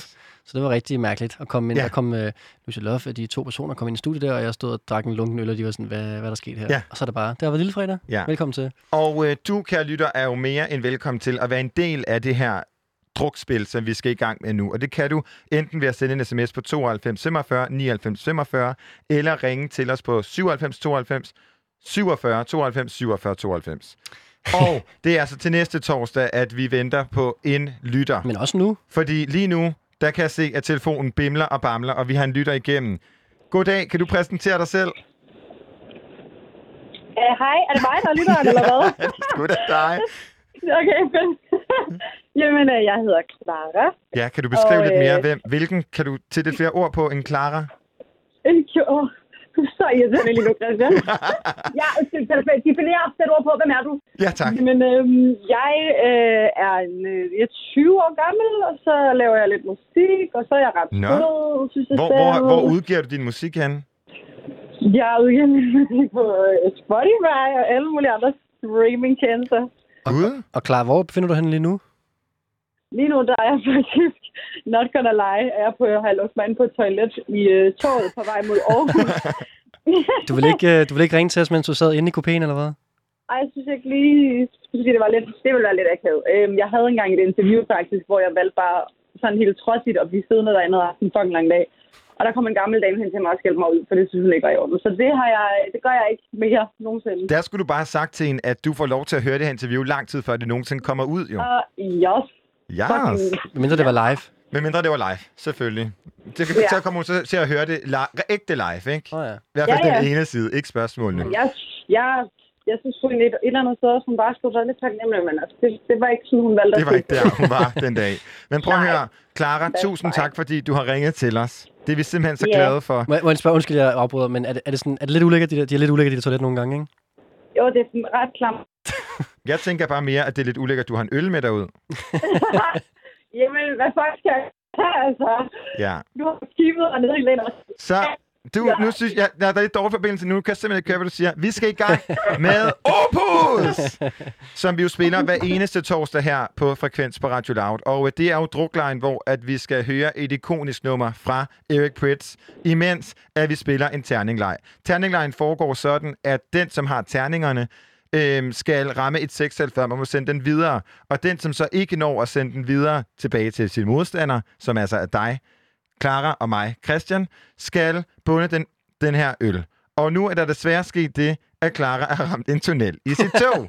Så øh, jeg tænker lige, at jeg prøver at ringe op igen. Kan du fortælle lidt mere om terningerne? Oh ja, altså om terningerne. Terningen, det er jo en sekssidet øh, kubikformet øh, øh, instrument, som man bruger til at spille med. Man kan spille mange spil med terninger. Jeg tror, der er omkring øh, 500 spil, man kan spille med terninger kun. Øh, jeg kan bare starte fra en ende af. Ja, du kører bare. Ja, der er jo Majer. Ja. Så er der Lille Majer. Nej, det er det samme spil. Er Clara jeg, tilbage? Jeg skulle lige gennem en, øh, en tunnel. Okay, du er tilbage. Du er tilbage. Men. Clara, du afbrød lige mig. Altså, der står, jeg ikke har noget cirkel lige nu, så det er ret vildt, at vi kan snakke sammen, synes jeg. Jeg synes, det er fantastisk. Jeg var lige i gang med at, forklare lytterne omkring terninger generelt og spil og sådan noget. Men det tænker jeg, I to kan mødes okay. en dag og diskutere. okay. Rasmus Damsholdt og Clara. Øh, prøv at høre. Clara, er du klar til spillet? Har du din terning? Jeg er klar. Godt. Ja, Okay, jo, vi starter ja, ja. nu, og jeg starter, du, øh, jeg starter sangen, og jeg starter med at slå terningerne. Er du klar? Ja, Men hvornår skal jeg slå min terning? Det er, når jeg rammer en sekser. Og når du så rammer en sekser, så du den tilbage til mig. Okay, ja. Okay, vi starter. Okay, sangen kører her. Jeg slår en terning. Nej. Jeg har fået sekser. What? Skal jeg så slå nu? Ja, du skal slå. Okay. Ja, jeg fik også seks. What? Okay, jeg, jeg slår nu. Jeg slår nu. Jeg slår nu. Ej. Hvad slår du, Christian? Jamen, jeg er etter, femmer, etter, etter, toer, treer, fire, et, et, et, fire, fire, tre, fem, fem, what? Fem, seks! Klar, det er dig. Er det mig? Ja, det er dig.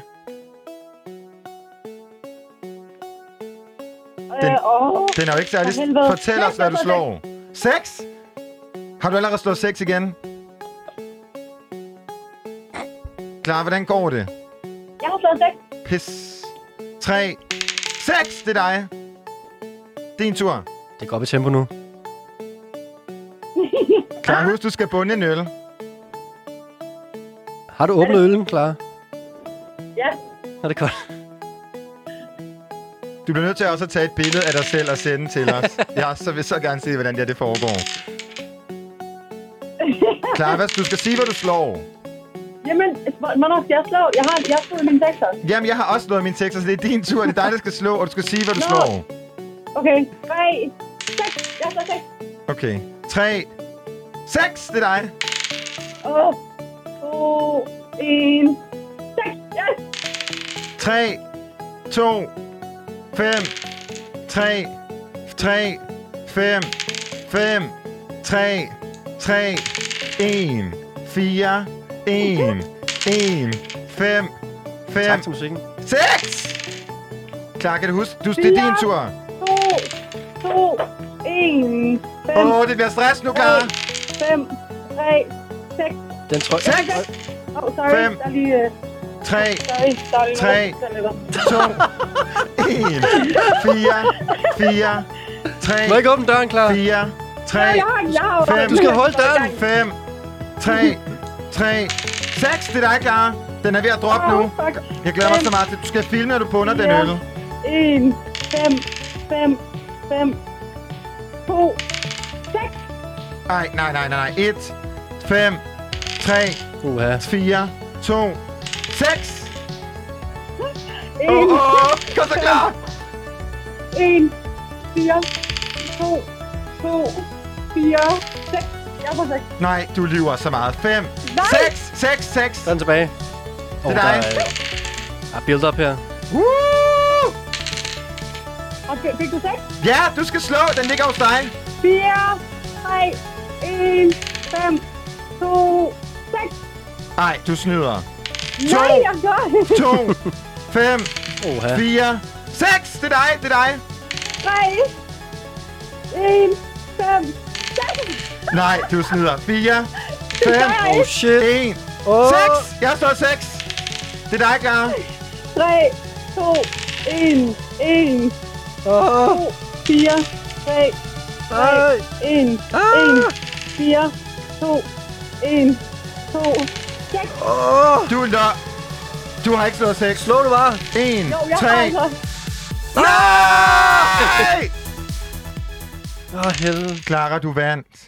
Ja, fedt. Sagde du lige bitch, eller sagde du fedt? Ja, lidt. Jeg, jeg gik ud på toilettet, fordi jeg tænkte, der var, der var lidt mindre larm derinde. Ja. Øh, det var der overhovedet ikke, så jeg bare stod derude i sådan 10 minutter, og så har der bare været en kø, der har noget hos Jeg var ude ren walk of shame, men altså, jeg ved ikke, hvad jeg tænkte. Jeg var stået derovre. Åh, du har bare siddet op. 5, 3, 2, Det er fedt bare at komme ud af toilettet med, med en terning i hånden og Ja. øl i hånden. Ja, de har troet, jeg har været i gang med at byde på et eller andet, altså jeg ved det ikke.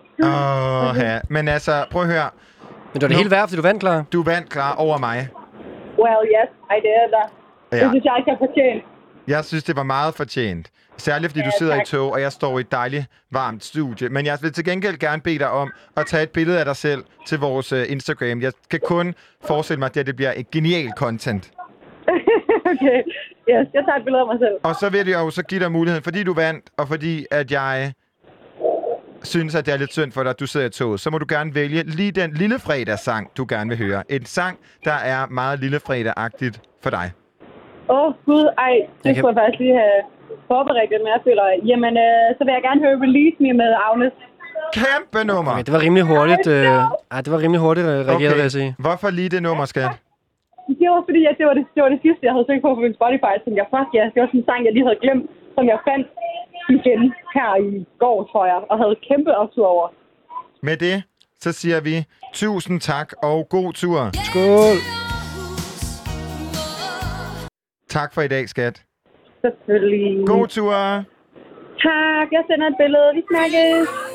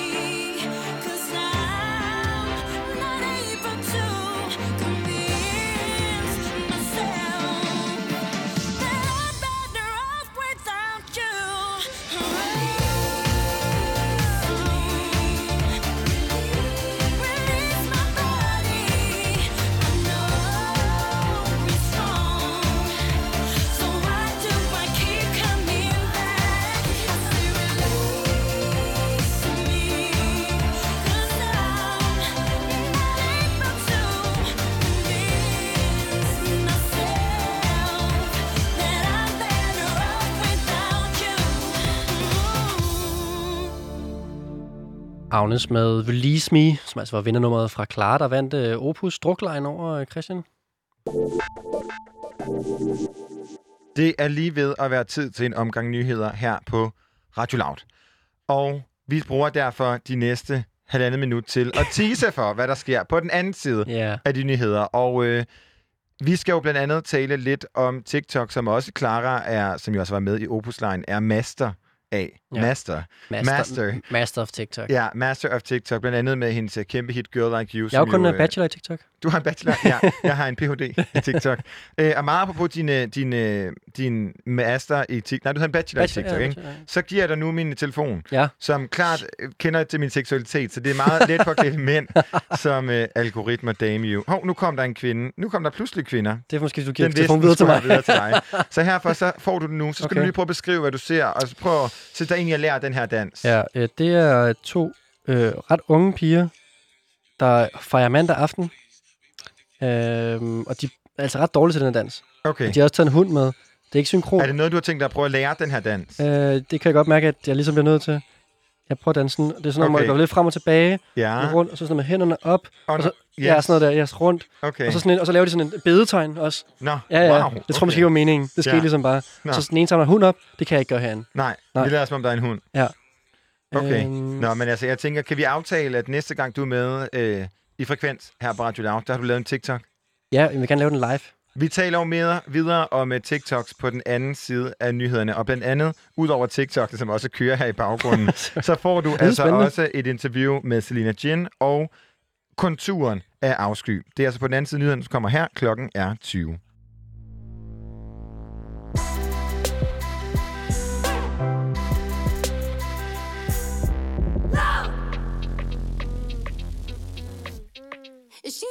Kinda looking at me.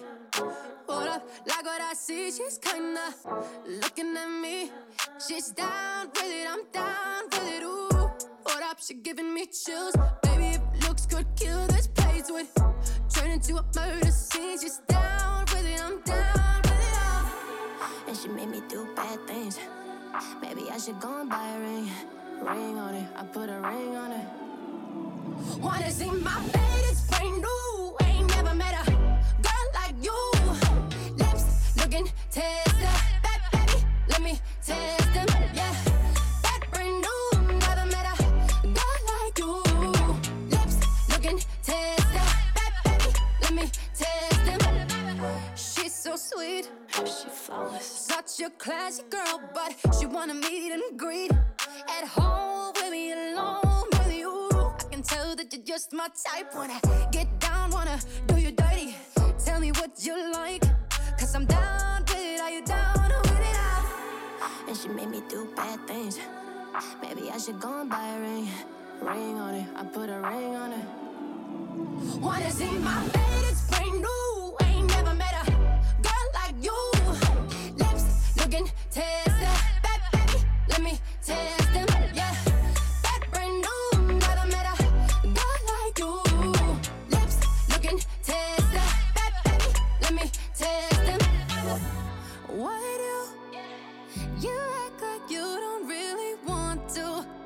I know that ain't true. No, no, I'm not into girls, but I just like you. And I can tell you do. Wanna see my it's brand new. Ain't never met a girl like you. Lips looking. Bad baby, let me test them. Yeah,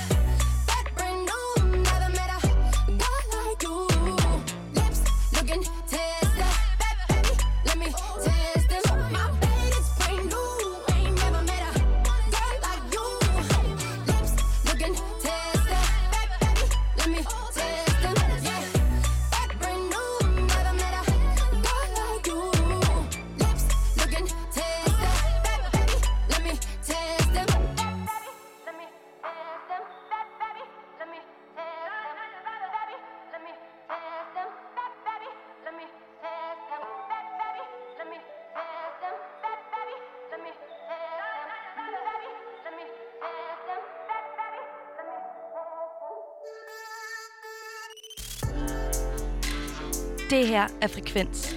Programmet, hvor vi lader musikken tale.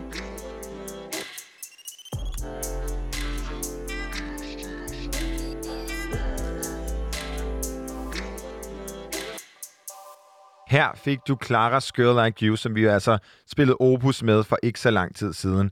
Og øh, Rasmus Damsholdt, jeg kunne godt tænke mig at vide, har du været inde på TikTok og lave en øh, TikTok-dans til lige netop det her kæmpe hit? Ikke lige netop det der kæmpe hit. Nå, så du har udforsket TikTok, eller hvad? Ja, altså jeg kan godt sige, øhm, du ved, sådan noget radiovært, der arbejder jeg jo som manager for artister, ikke? Så det er jo lidt, øh, jeg blev nødt til at ligesom, sætte mig ind i det, og øhm, undersøge den her øh, verden af dejlige, dejlige danse. Hvad er du kommet frem til? Jeg er kommet frem til, at øhm, jeg godt gad kunne lide det noget mere, end jeg kan. Hvordan?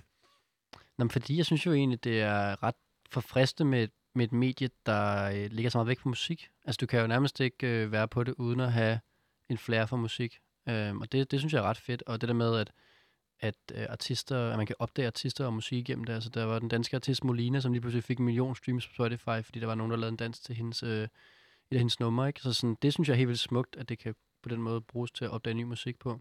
Ja, det er jo også en af flere eksempler. Altså for eksempel Megan Thee Stallion Savage, som jo også er gået kæmpe amok. Doja Cats, øh, Say So gik også fuldkommen øh, bananas efter. Men altså, kunne du som manager, hvis vi lige skal snakke om det, kunne du finde på at opfordre nogle af dine artister til at lave TikTok-hit? Ja. Ja? Ej, jeg har også, altså jeg har jo desværre måttet krybe til korset og, og invitere nogle af mine artister på TikTok, øh, og har måttet være øh, altså main driver på det selv, og være sådan, nu skal vi altså på det her mega fede nye medie. øhm, selvom jeg selv har sådan lidt svært ved det, fordi jeg er lidt øh, indvandrer på det, ikke?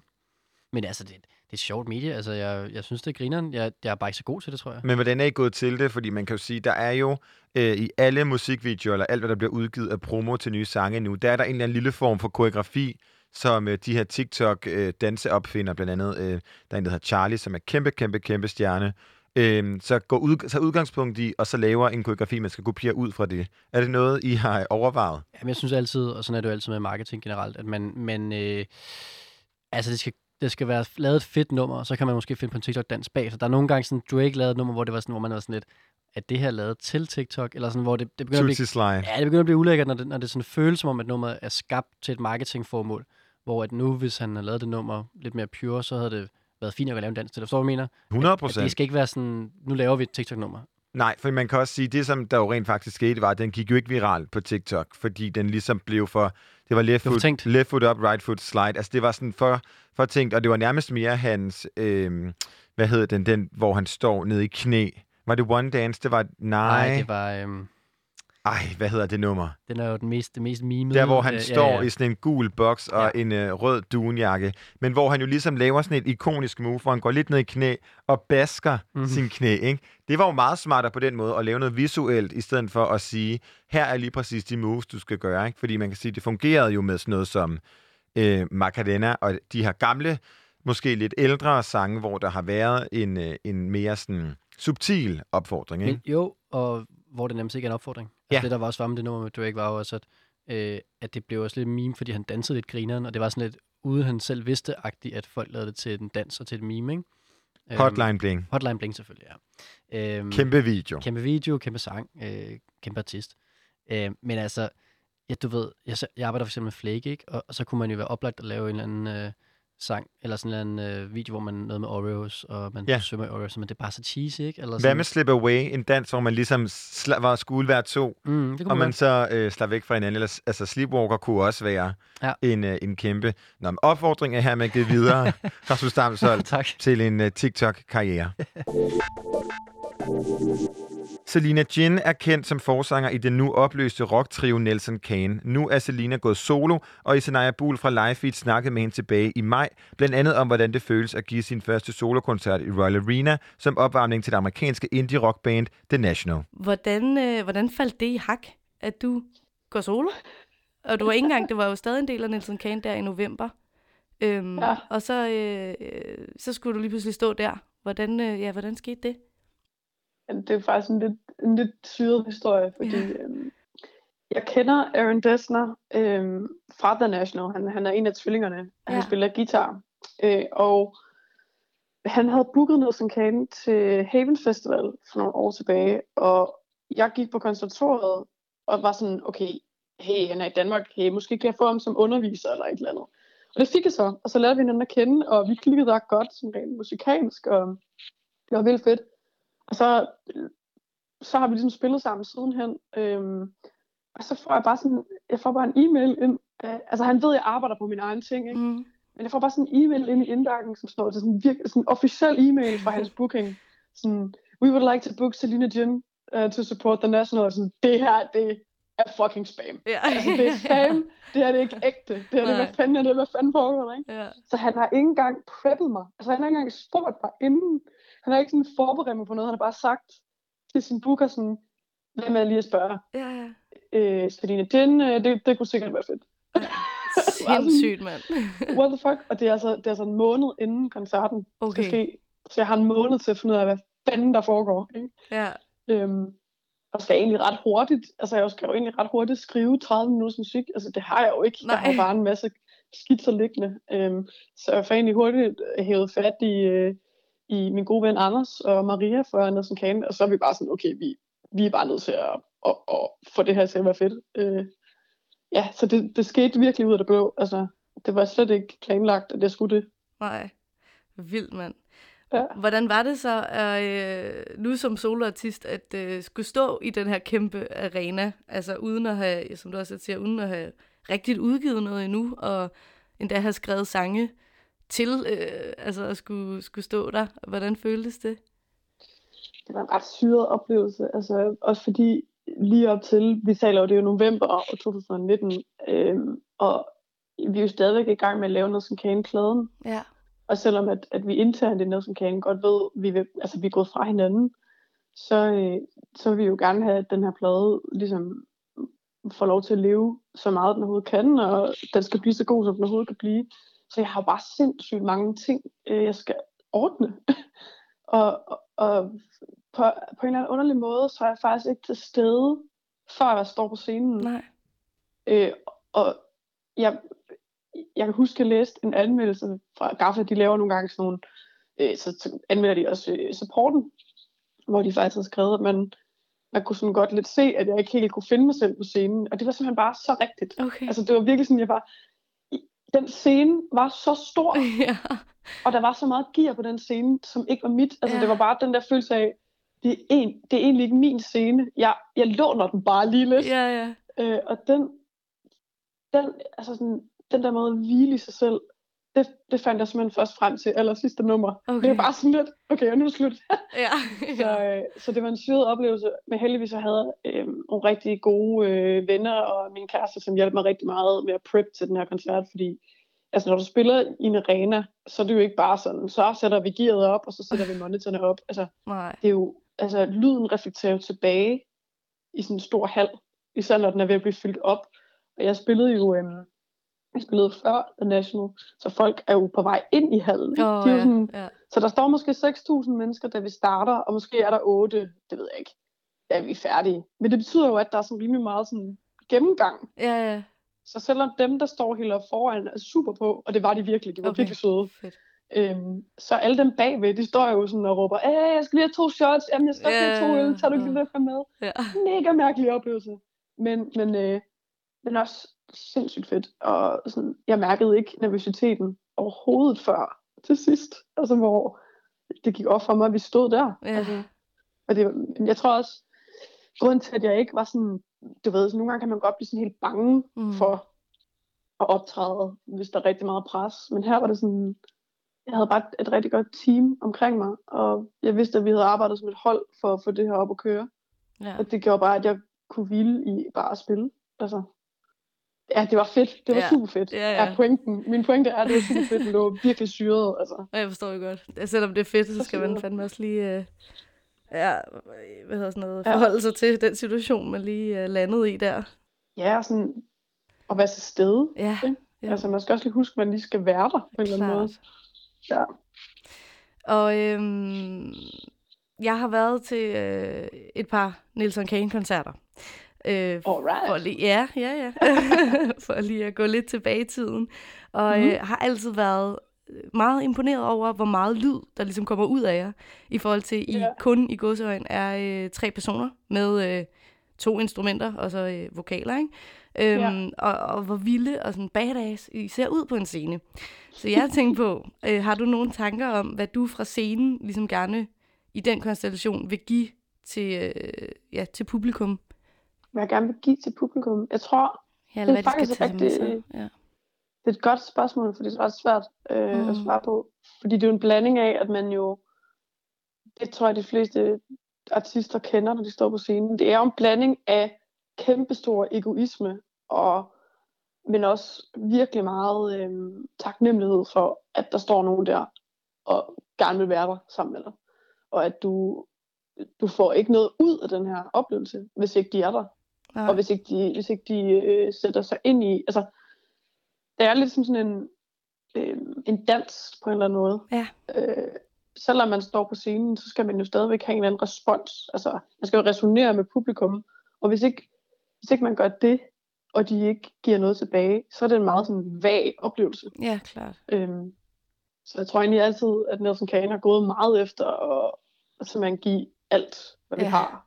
Altid. Også selvom det er foran fem mennesker, eller om det er foran øh, 8.000 på, på Roskilde. Ikke? Altså, det, er, det skal være et stykke af os selv hver gang, øhm, som ligesom giver os noget tilbage. Og det jeg mener med, at det nok er 50-50 sådan et egotrip, mm. og Mm. 50-50 sådan noget, vi giver noget til hinanden, du ved. Ja, jeg Så er det det der med, det er jo også, det er jo også en, en egoistisk handling at træde op på en scene og, og anerkende, at man har brug for anerkendelse. Ja. Det er jo også ligesom, det er der jo også rigtig meget i, i kunst. Øh, og det synes jeg sgu ikke, man skal være ked af. Altså det, Nej, det, det er det er sådan er en, øh, ja, det er jo sådan en, det er jo virkelig en dans med, med publikum, at de, de, de giver ligesom den der ild til en, så man kan blive ved. Og så kan man jo så sige ja, og så giver vi jo så underholdning, ikke? Jo, jo, øhm, så det er sådan, det er rigtigt sådan en, det er en meget kringlet måde at sige, at publikum er super vigtigt. ja, nej, jeg Øh, forstår. Og det er jo også, der er også forskel på publikum. Altså, vi har spillet ret meget i Holland og ret meget i Spanien, eller når man spiller i Spanien, så kan man godt øh, buckle op, fordi de er eddermame med nogle vilde mennesker. Altså, Okay. det, er, de er det, det er nogle af de fedeste publikummer, vi har spillet for. Det har været Spanien. Og sådan et sted som Holland, det er sådan, de er meget stoiske. Altså, de står bare meget stille. Okay, ja. de klapper, men der er Ja. ikke noget sådan, Nej. der er ikke sådan rigtig den der, man føler ikke, de indlever sig i noget. Men så kan de finde på at komme op efter koncerten og være sådan, åh, kæft, hvor var det fedt. Det var super, super fedt. Sådan, hvorfor, Hvorfor viste det lige ikke? Have, Ja. ja. kunne ikke lige have vist det, da vi spillede? Ja. Så det, øhm, jeg synes egentlig også, det, det, det, det danske publikum og det britiske publikum er også virkelig sjovt at spille for. Så sådan, ja. Hvad, øh, hvordan har det så været at skulle gå fra at, at have dine to øh, hvad hedder det, partners in crime, øh, og gå fra at være altså et, et vel etableret navn, og så ligesom nu skulle starte, det er jo så ikke forfra, men, men starte noget, noget nyt op. Det har jeg faktisk tænkt rigtig meget over. Mm. Øhm, og på en eller anden måde, tror jeg, at vi alle tre er ret lettede stadigvæk over beslutningen. Øhm, fordi hen over de sidste par måneder har vi faktisk haft rigtig meget lyst til at se hinanden. Og det gør egentlig, at, at jeg har mere blod på tanden øh, i mit solo, soloprojekt, fordi jeg kan mærke, at jeg har støtten for dem. Øhm, at vi sådan bare støtter hinanden fuldt ud. Klar. Øhm, så jeg synes, det er lidt underligt. Altså, det er underligt, at man ikke skal have, du ved, lige svinge ideen forbi de andre. Ja. Altså, jeg kan sådan set bare tage en beslutning, hvis jeg vil.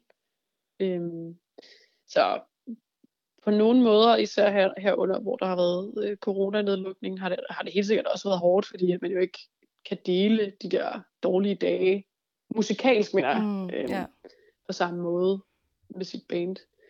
Men for at være helt ærlig, det, det gjorde vi jo heller ikke rigtigt den sidste lange, det sidste lange tid. Altså, det gjorde vi kun her under den sidste plade, og inden det, der var der altså flere år, hvor vi ikke kommunikerede musikalsk. Mm. Altså, så jeg tror sådan set bare, at det er meget rart egentlig. Ja. Øhm, og det er meget spændende for os alle sammen at prøve nogle andre ting. Øh, men men det, altså, det betyder utrolig meget for mig, at, at øh, for eksempel er vi i gang med at lave det der, vi har sådan et remix-projekt i gang Ja, lige ja, nu. det så jeg. Ja. Øhm, og det er på en eller anden måde, at vi, det føles som om, at vi er lidt af en træenighed igen. Men på sådan en, en basis, hvor man godt kan trække sig lidt igen, hvis, hvis, hvis man bliver stresset. Eller der er ikke den der kæmpe store, det der ansvarspres, man nogle gange kan have altså i bands, og det er jeg sikker på, mange kender. Ja. Øhm, Og så kan man måske også mødes, mødes ja. som venner, i stedet for, øh, at det hele tiden skal Det være nemlig- arbejdsrelateret. Eller sådan. Det er nemlig lige præcis det, og det er, sådan, det er også det, der lidt har været pointen for os, er jo, at, at nu har vi faktisk lyst til at kigge hinanden i øjnene igen, Ja. fordi vi har givet hinanden en pause. Øh, og altså et break nu, ikke? Fordi nu vi, spiller vi jo ikke sammen mere. Men, men jeg havde en, en rigtig god snak med Sine, som øh, var bassist i Nelson Kane øh, for et par uger siden. Hun var også helt corona-ramt. Altså Ja. ikke af sygdommen, Nej, men, nej, men nej. sådan af, af sådan Stemningen. længselen efter at lave noget, ikke? Øh, hvor hun også skrev, jeg tror fandme, jeg skal til at skrive noget på dansk. Ja. Ej, og hvor så, det lyder sgu da spændende. Ja. Altså, så um, på den måde er det rigtig, rigtig nice, at vi har hinanden. Men det er også på rigtig mange måder virkelig spændende og fedt at, at prøve noget på egen hånd. Altså, bare sådan eksperimentere lidt, teste nogle ting af. Ja. Og du har jo Det synes faktisk ikke, øh, du har ikke udgivet noget sådan helt officielt endnu. Du har dine demoer liggende på din SoundCloud, øhm, Ja. som jeg har lyttet til, og jeg synes, de er, øh, de er super skønne. Eller det er virkelig, det er virkelig god musik. Tak. Øhm, tak. Men, men det lyder jo også mere øh, elektronisk på en eller anden måde, mindre rocket, hvis man kan sige det på den måde, end Nelson Kane var, ikke? Ja. Har du, hvilke tanker har du gjort omkring, hvad, altså, hvilken musik du nu vil lave og skrive og producere som Selina Jin? Ja, det er igen et virkelig godt spørgsmål, Ja. fordi at, øh, det har jeg ikke rigtig selv kunne svare på endnu. Jeg tror, jeg, jeg, jeg gør virkelig mit bedste for bare at teste en masse ting. Øh, og jeg, altså, jeg, hvis man har hørt Nelson Kanes seneste og sidste plade, så kan man også godt høre, at der er meget mere elektronisk øh, Ja. ind over den. Ja. Øhm, det har jeg helt sikkert været glad for, at vi har gjort, fordi det er ligesom den vej, jeg er på vej i, kan man sige. Jeg har jo altid været rigtig glad for sådan, sådan noget 80'er, 80'er øh, sådan rigtig kliché, sådan noget rigtig øh, fløde, flødepop, øh, det er også som skønt. jo er svært at lave, hvis man spiller rock. Altså.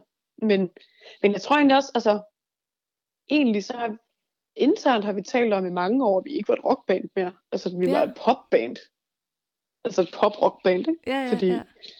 Altså, selvom vi spillede mere rockagtigt, så tror jeg, der er mange rockmusikere, der vil synes, det var synd at kalde det for rock. ja. Fordi at de sådan ligger lidt i grænselandet, ikke? Ja, sådan er det med så genre, tror, ikke? At det er, det det. så bliver man pakket langt gange- på. Ja, Ja, og det er nogle gange også det, der er så svært med genre. Det er jo, at man ikke rigtig føler, at man passer ind i en eller anden Præcis. kasse. Altså, Ja. øhm, men jeg, altså, jeg tror, jeg er på vej imod noget, som er lidt mere... vil være nemmere at kalde popmusik. Okay. Helt sikkert. Ja.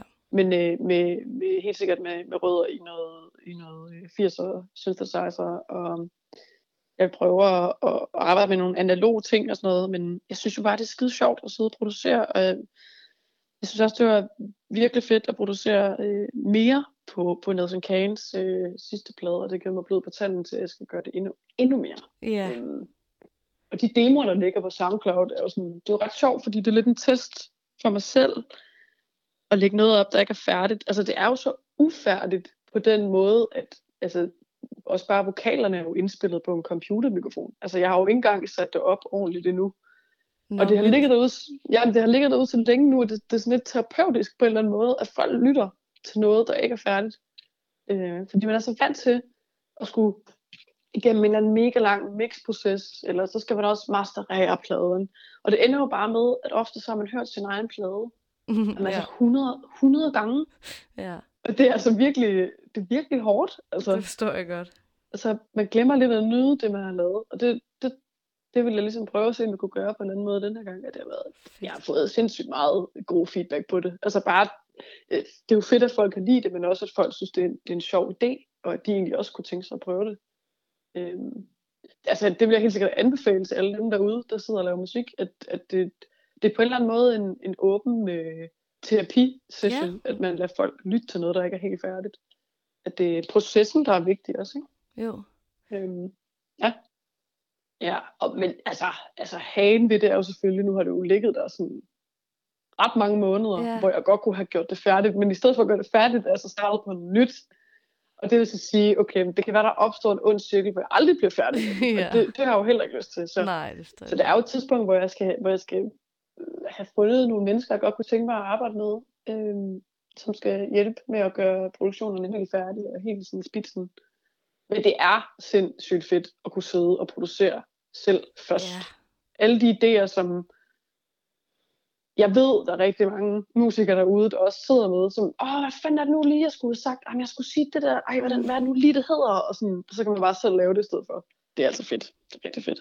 Ja, det forstår jeg virkelig godt. Øhm, nu skal vi så høre en af de her famøse demoer, vi har snakket om. Uh. Uh, I See What You're Fighting For, uh, som du netop har liggende på din uh, SoundCloud. Um, jeg tænker på, om du vil uh, knytte nogle ord til, uh, til det her nummer. Ja. Øhm, hvor skal jeg starte? Ja, det er godt. Det er også meget åbent øh, spørgsmål. det er ja. altså så svært. Ja. Hvordan, øh, hvad, hvad handler det om, måske? Ja, det var et godt sted at starte. Øhm, den handler sådan set om...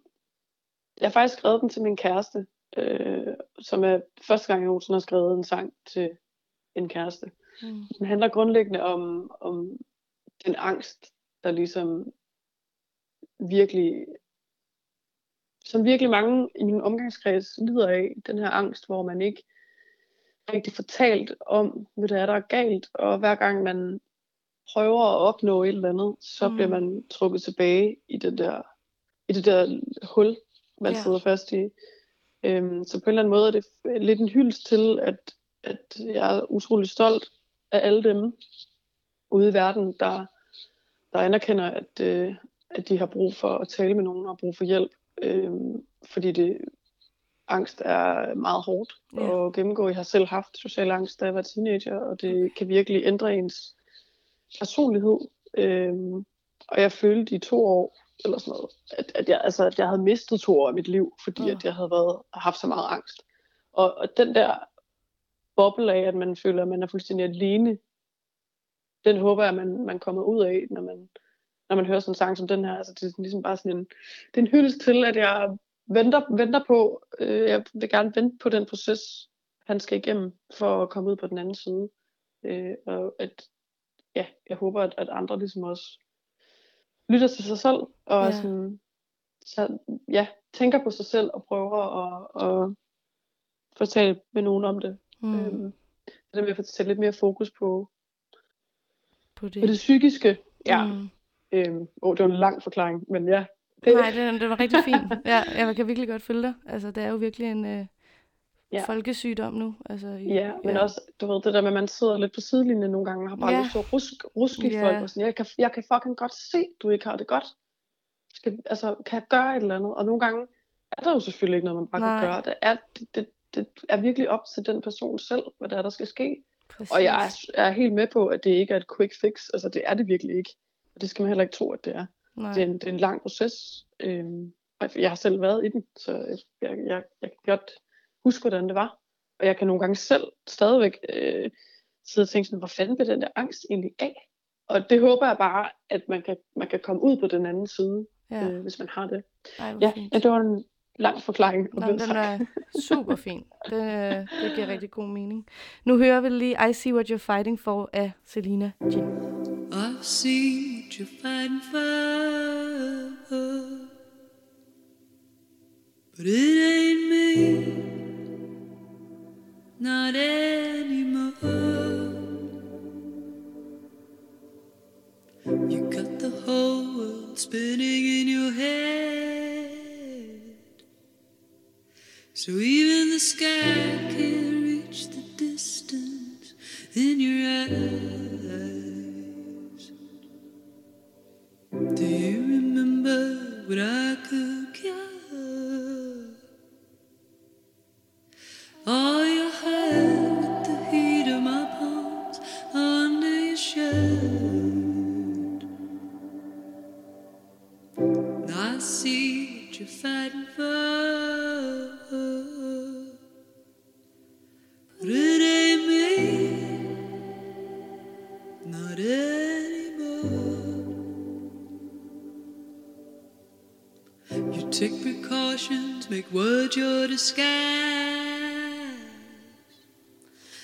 your body can't hide from overwhelming emotional rise.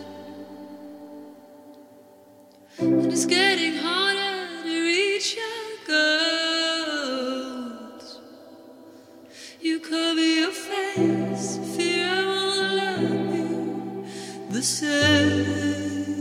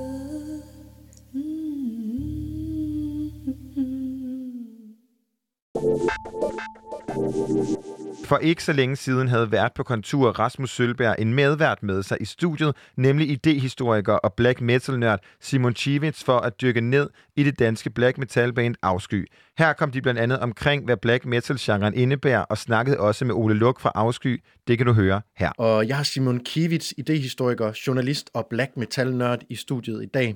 Og Simon, vi stod lige og talte under det her øh, nummer om, at vokalen er jo på en eller anden måde mærkeligt nok noget af det, man skal prøve at abstrahere fra, for også ligesom at finde, finde det smukke, hvis man ikke er black metal øh, aficionado. Ja, og det er jo det, der er paradoxalt ved den her genre, det er, at ikke alene skal du abstrahere fra vokalen, du skal også mest af tiden abstrahere fra trommerne, og det meste af tiden abstrahere fra øh, i hvert fald en af de to guitarer, der er der, ikke? Det, som der er, bør være mere sådan universelt i den her sang, og som også er et træk ved genren sit, det er, at i de her guitarer, der ligger der altså de her små, rigtig, rigtig fine melodistykker. Altså, og melodistykker og temaer, som klassisk musik kunne bygge sine symfonier op af, øh, eller noget, som man vil kunne genkende i, i folkemusikken. Øh, langt hen ad vejen, så synes jeg, at det vi, vi hørte her, øh, det afslører gitaren jo også til sidst, når den ligesom lader nummeret bryde helt ned, og overgår til at blive en akustisk guitar, der, der står i centrum. Der spiller den jo faktisk stadigvæk hovedmelodien, som vi har hørt på hele vejen, men som måske har fremkommet utydeligt, fordi den har været pakket ind i det her black metal-univers. Men det vi jo får, det er jo sådan en, det er jo en lille vuggevise i virkeligheden. Helt blotlagt til sidst, ikke? Altså, Ja, der får vi essensen af kernen hjulpet frem af den her genre. Nu skal vi altså høre lidt fra Ole Luk, The Master himself, manden bag Afsky og ofte jeg drømmer mig død albummet. Fordi Simon og jeg, vi ringede ham op på en telefon, før vi gik i studiet her. Og det er altså lige en anelse skrabet at høre på, men øh, det håber vi, at du kan bære over med, sådan i den her black metal nihilistiske ånd.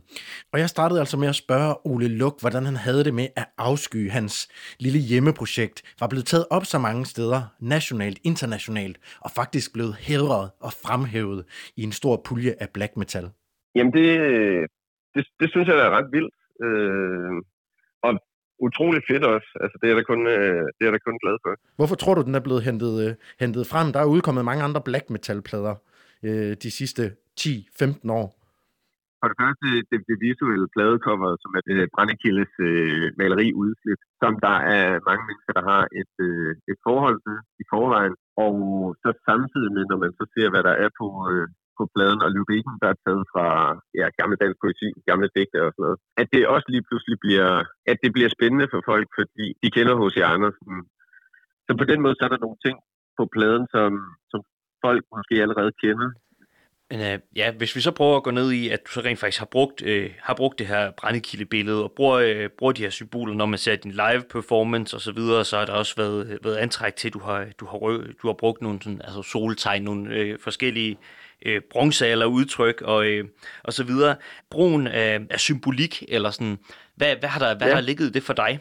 i forhold til sådan mit eget musik og virke og sådan noget, så, øh, så gider jeg faktisk overhovedet ikke beskæftige mig med noget som helst form for religion, hverken øh, at skulle dyrke det, eller at skulle dyrke og have det. Så har jeg altid bare set, altså sådan solen, det er det, der giver os liv. Uden solen, så ville der ikke være noget liv. Det er solen, der er blevet tilbedt øh, førhen. Så på den måde, det var ligesom tanken bag det, og, og stadigvæk have et stærkt symbol, men i stedet for at skulle prædike had mod et eller andet, faktisk dyrke noget, som ligesom kommer før det hele. Nu står jeg her sammen med Simon Kivitz, idehistoriker og black metal nørd, udover selv at spille black metal. Og han har jo skrevet et nærmest, øh, ja hvad er det, cirka 10 sider langt anmeldelses essay om afsky. Der er flere, der gerne vil tale den ind i en politisk og også ret specifik antikapitalistisk dagsorden på grund af de her socialrealistiske digte, på grund af de her ret grumme skæbner, som træder ud af øh, Emil Aarstrup-digtet, ud af Sofus Clausen-digtet, og også ud af Brandekildes øh, albumcover. Hvordan har du det egentlig med det, at du øh, bliver spændt for en antikapitalistisk dagsorden? Ja, det vil sige, der har jeg egentlig rimelig fint med. Jeg synes, der er nogen, der har alt for meget, og der er nogen, der har alt for lidt i forhold til. Som bare sætter en utrolig uretfærdig øh, altså sådan, øh, dagsorden for de fleste af mennesker på jorden. Og, og, og sætter dem i nogle, øh, i nogle uværdige øh, positioner, hvor man skal kæmpe og føle sig taknemmelig for at, at have et job. Og, og man er villig til at, at underbyde hinanden helt øh, skamløst bare for at få lov til at være en del af et fællesskab, som man ikke engang har valgt, at man selv er blevet født ind i. Det har jeg meget imod, vil jeg sige.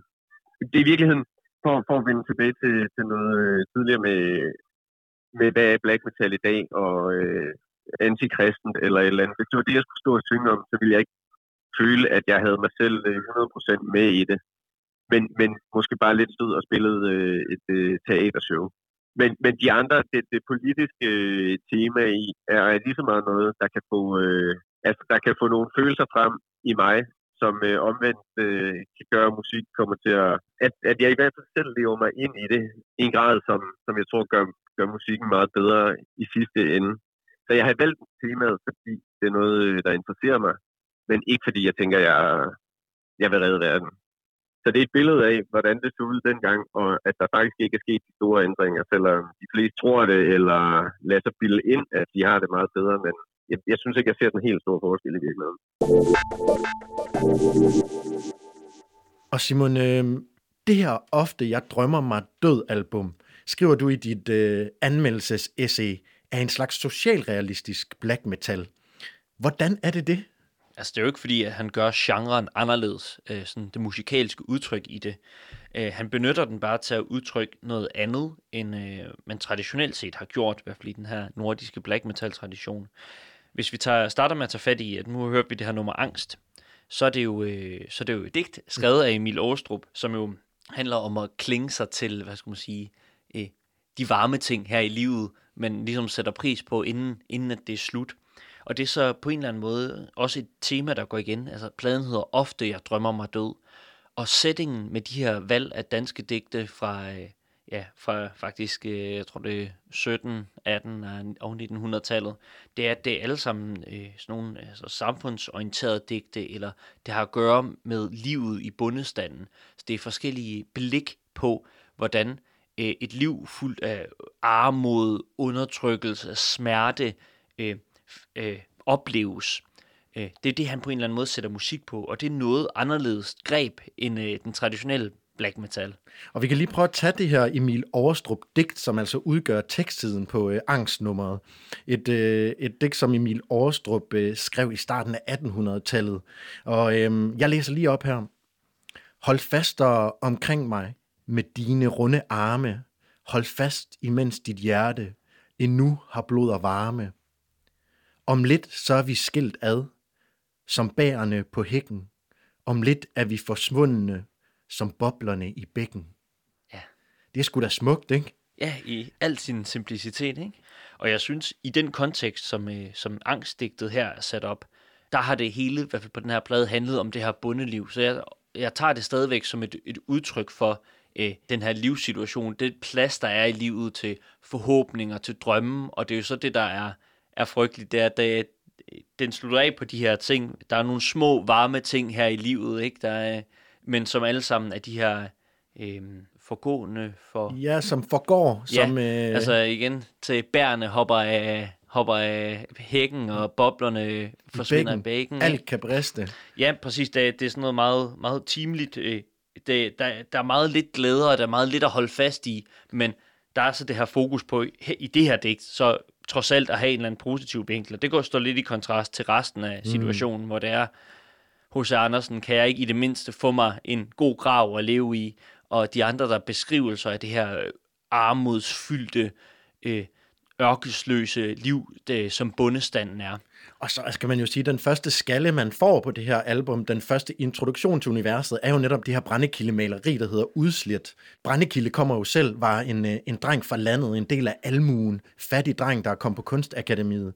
Ikke tog romantikken så meget til sig, ikke skrev sig så meget ind i, i, i den her idyl, men, men var faktisk mere interesseret i at øh, beskrive en eller anden form for realisme i de her nedslidte, øh, nedslidte mennesker, i hvert fald i de første årtier. Og der skilte han sig altså lidt ud fra datidens malere, øh, guldaldermalere eksempelvis, som, som vi, kunne da godt, vi kan da godt beskrive bundestanden, men de skal stå i deres pæne tøj, ikke? På udslidt, hvis man, hvis man lige beskriver det maleri her, ikke? Det er ret brunt i brunt. Det er den golde mark. Det er altså ikke fed muld, det er nærmere sand og sten, hvor der ligger den her øh, mand, Øh, er han død? Er han besvimet? Han er i hvert fald udslidt, og øh, han ligger i en kvindes arme og øh, med lukkede øjne. Og hun råber ud i intet efter hjælp i afmagt på en eller anden måde. Ikke? Det er ligesom indgangsvinklen. Det er sådan, vi sparker døren ind til det album her, rent symbolsk. Og jeg tror, det er en vigtig pointe, du siger, ikke? Altså, når vi siger romantikken, ikke, så sidder man og tænker både, fordi vi har den her øh, forkerte populær forståelse af, hvad romantisk er, som er noget andet end øh, romantikken, og vi forbinder det jo sikkert også med vores nationale melodi, og som du siger, det kønne, opstillede, idylliske et eller andet. Men det er jo også øh, det er en meget, meget lang, øh, hvad skal man sige, litterær, kulturhistorisk periode, som altså har nogle, nogle dystre, dystre udtryk, øh, øh, og som også, hvad skal man sige, kommer til at kunne rumme de mere grimme sider af livet. Jeg tror bare, det, det der er det, der går igen, det er, det, det er, hvad skal man sige, det følelsesmæssige udtryk, der kommer, der kommer i centrum. Og det tror jeg, det har, det, det har, det har man brug for at spæde det op med, når det skal øh, virke ind i en black metal genre, der jo ligesom altså har det her skrig, som jeg også synes, man kan høre på nummeret. Altså det her, det er altså noget lidelsesfuldt, men også øh, og udtrukne skrig, som øh, Ole Luk han mestrer, og som jeg synes giver et, et ekstra liv og et ekstra øh, dimension til at fortolke de her digte igennem. Og du har jo siddet dybt nede i det her, og har sagt, at det også kan være relevant for en nutid. Kan du se et, et spejlbillede i, i den her lyrik og den her depression, den her melankoli, spejlet i vores samtid på en eller anden måde? Ja, altså, der er i hvert fald det, det element, der helt klart går igen, det er, at her er fokus på, øh, altså, det er ikke det, det fri bundeliv, det er bunden som bunde i sin stand i et klassesamfund. Øh, den måde at være indplaceret i det større socialt og økonomisk system på, have en rolle og have nogle, øh, opleve nogle begrænsninger i forhold til det, det går jo, det går jo stadigvæk, i- det går jo stadigvæk igen, kan man sige. Og øh, så synes jeg, jeg synes, at det han, øh, det han gør med den her, med den her bundestand, det er jo også, hvad skal man sige, det er de her folk, hvis historie vi aldrig har fået fortalt. Det er ikke dem her, der er heldigfiguren, der går igen i den store litteratur eller et eller andet. Han prøver at tage folk, som ikke har haft en stemme i historien, prøver ligesom at give dem, ja, bruge sig selv og sin kunst som megafon til at fortælle en historie om nogle elendige, armodige vilkår, øh, som den her bundestand har, har oplevet. Og det, det, hvad skulle man sige, så kunne man, øh, så kunne man være lidt, øh, lidt, lidt kæk og gå, gå meget, øh, meget nørdet til værks og tage fat i, som jeg også har gjort, en kulturhistoriker som Walter Benjamin, som, øh, som også var sådan en øh, socialistisk, revolutionær tænker.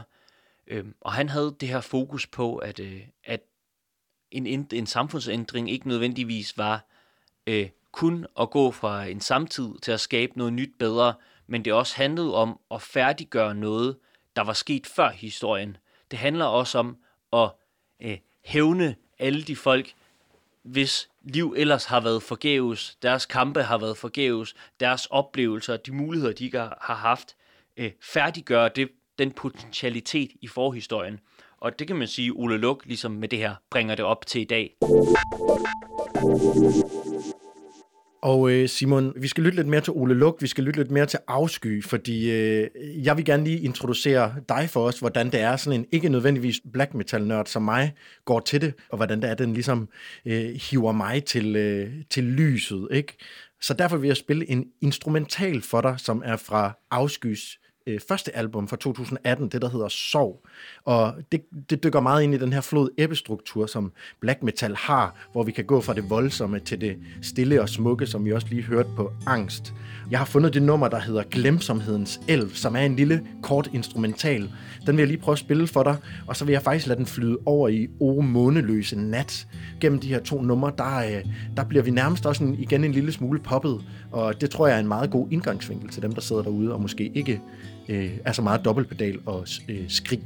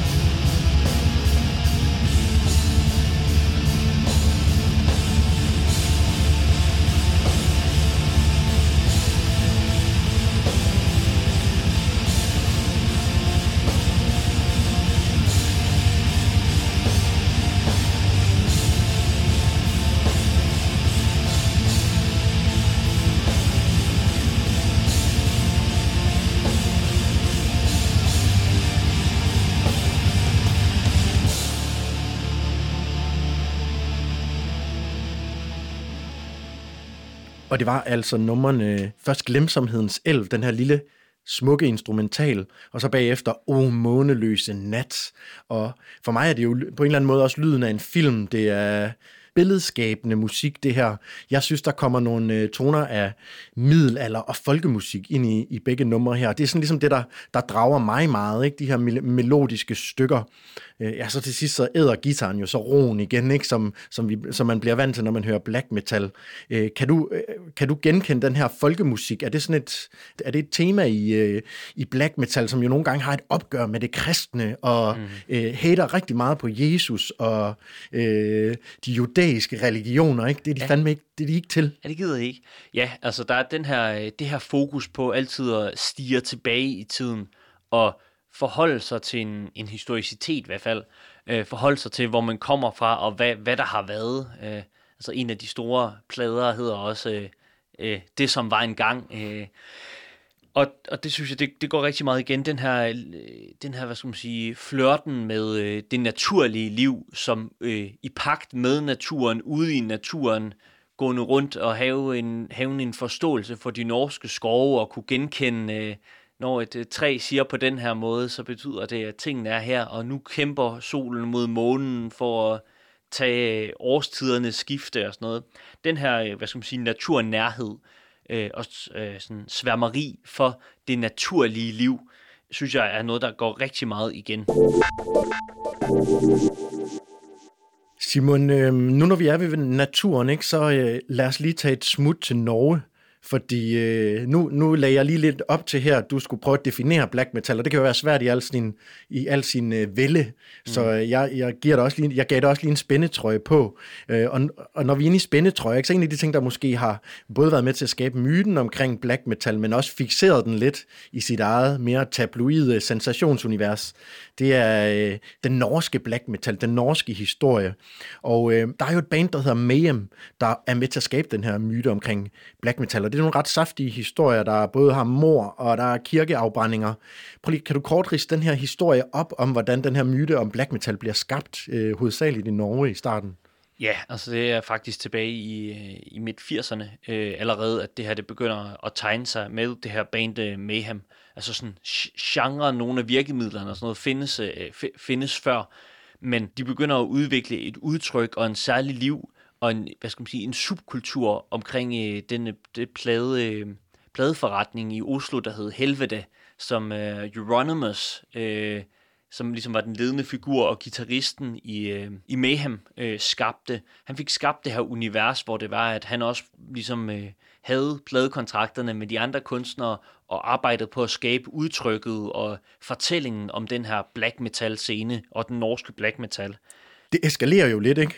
Det må man sige. Øh, altså i det første band Mayhem her, der findes øh, de, de plader, der er udgivet som øh, studiealbums. Det er uden den legendariske originale forsanger, svenskeren Def, fordi han begår selvmord, inden øh, vi kommer så langt, at de laver andet end en Live at Leipzig-plade.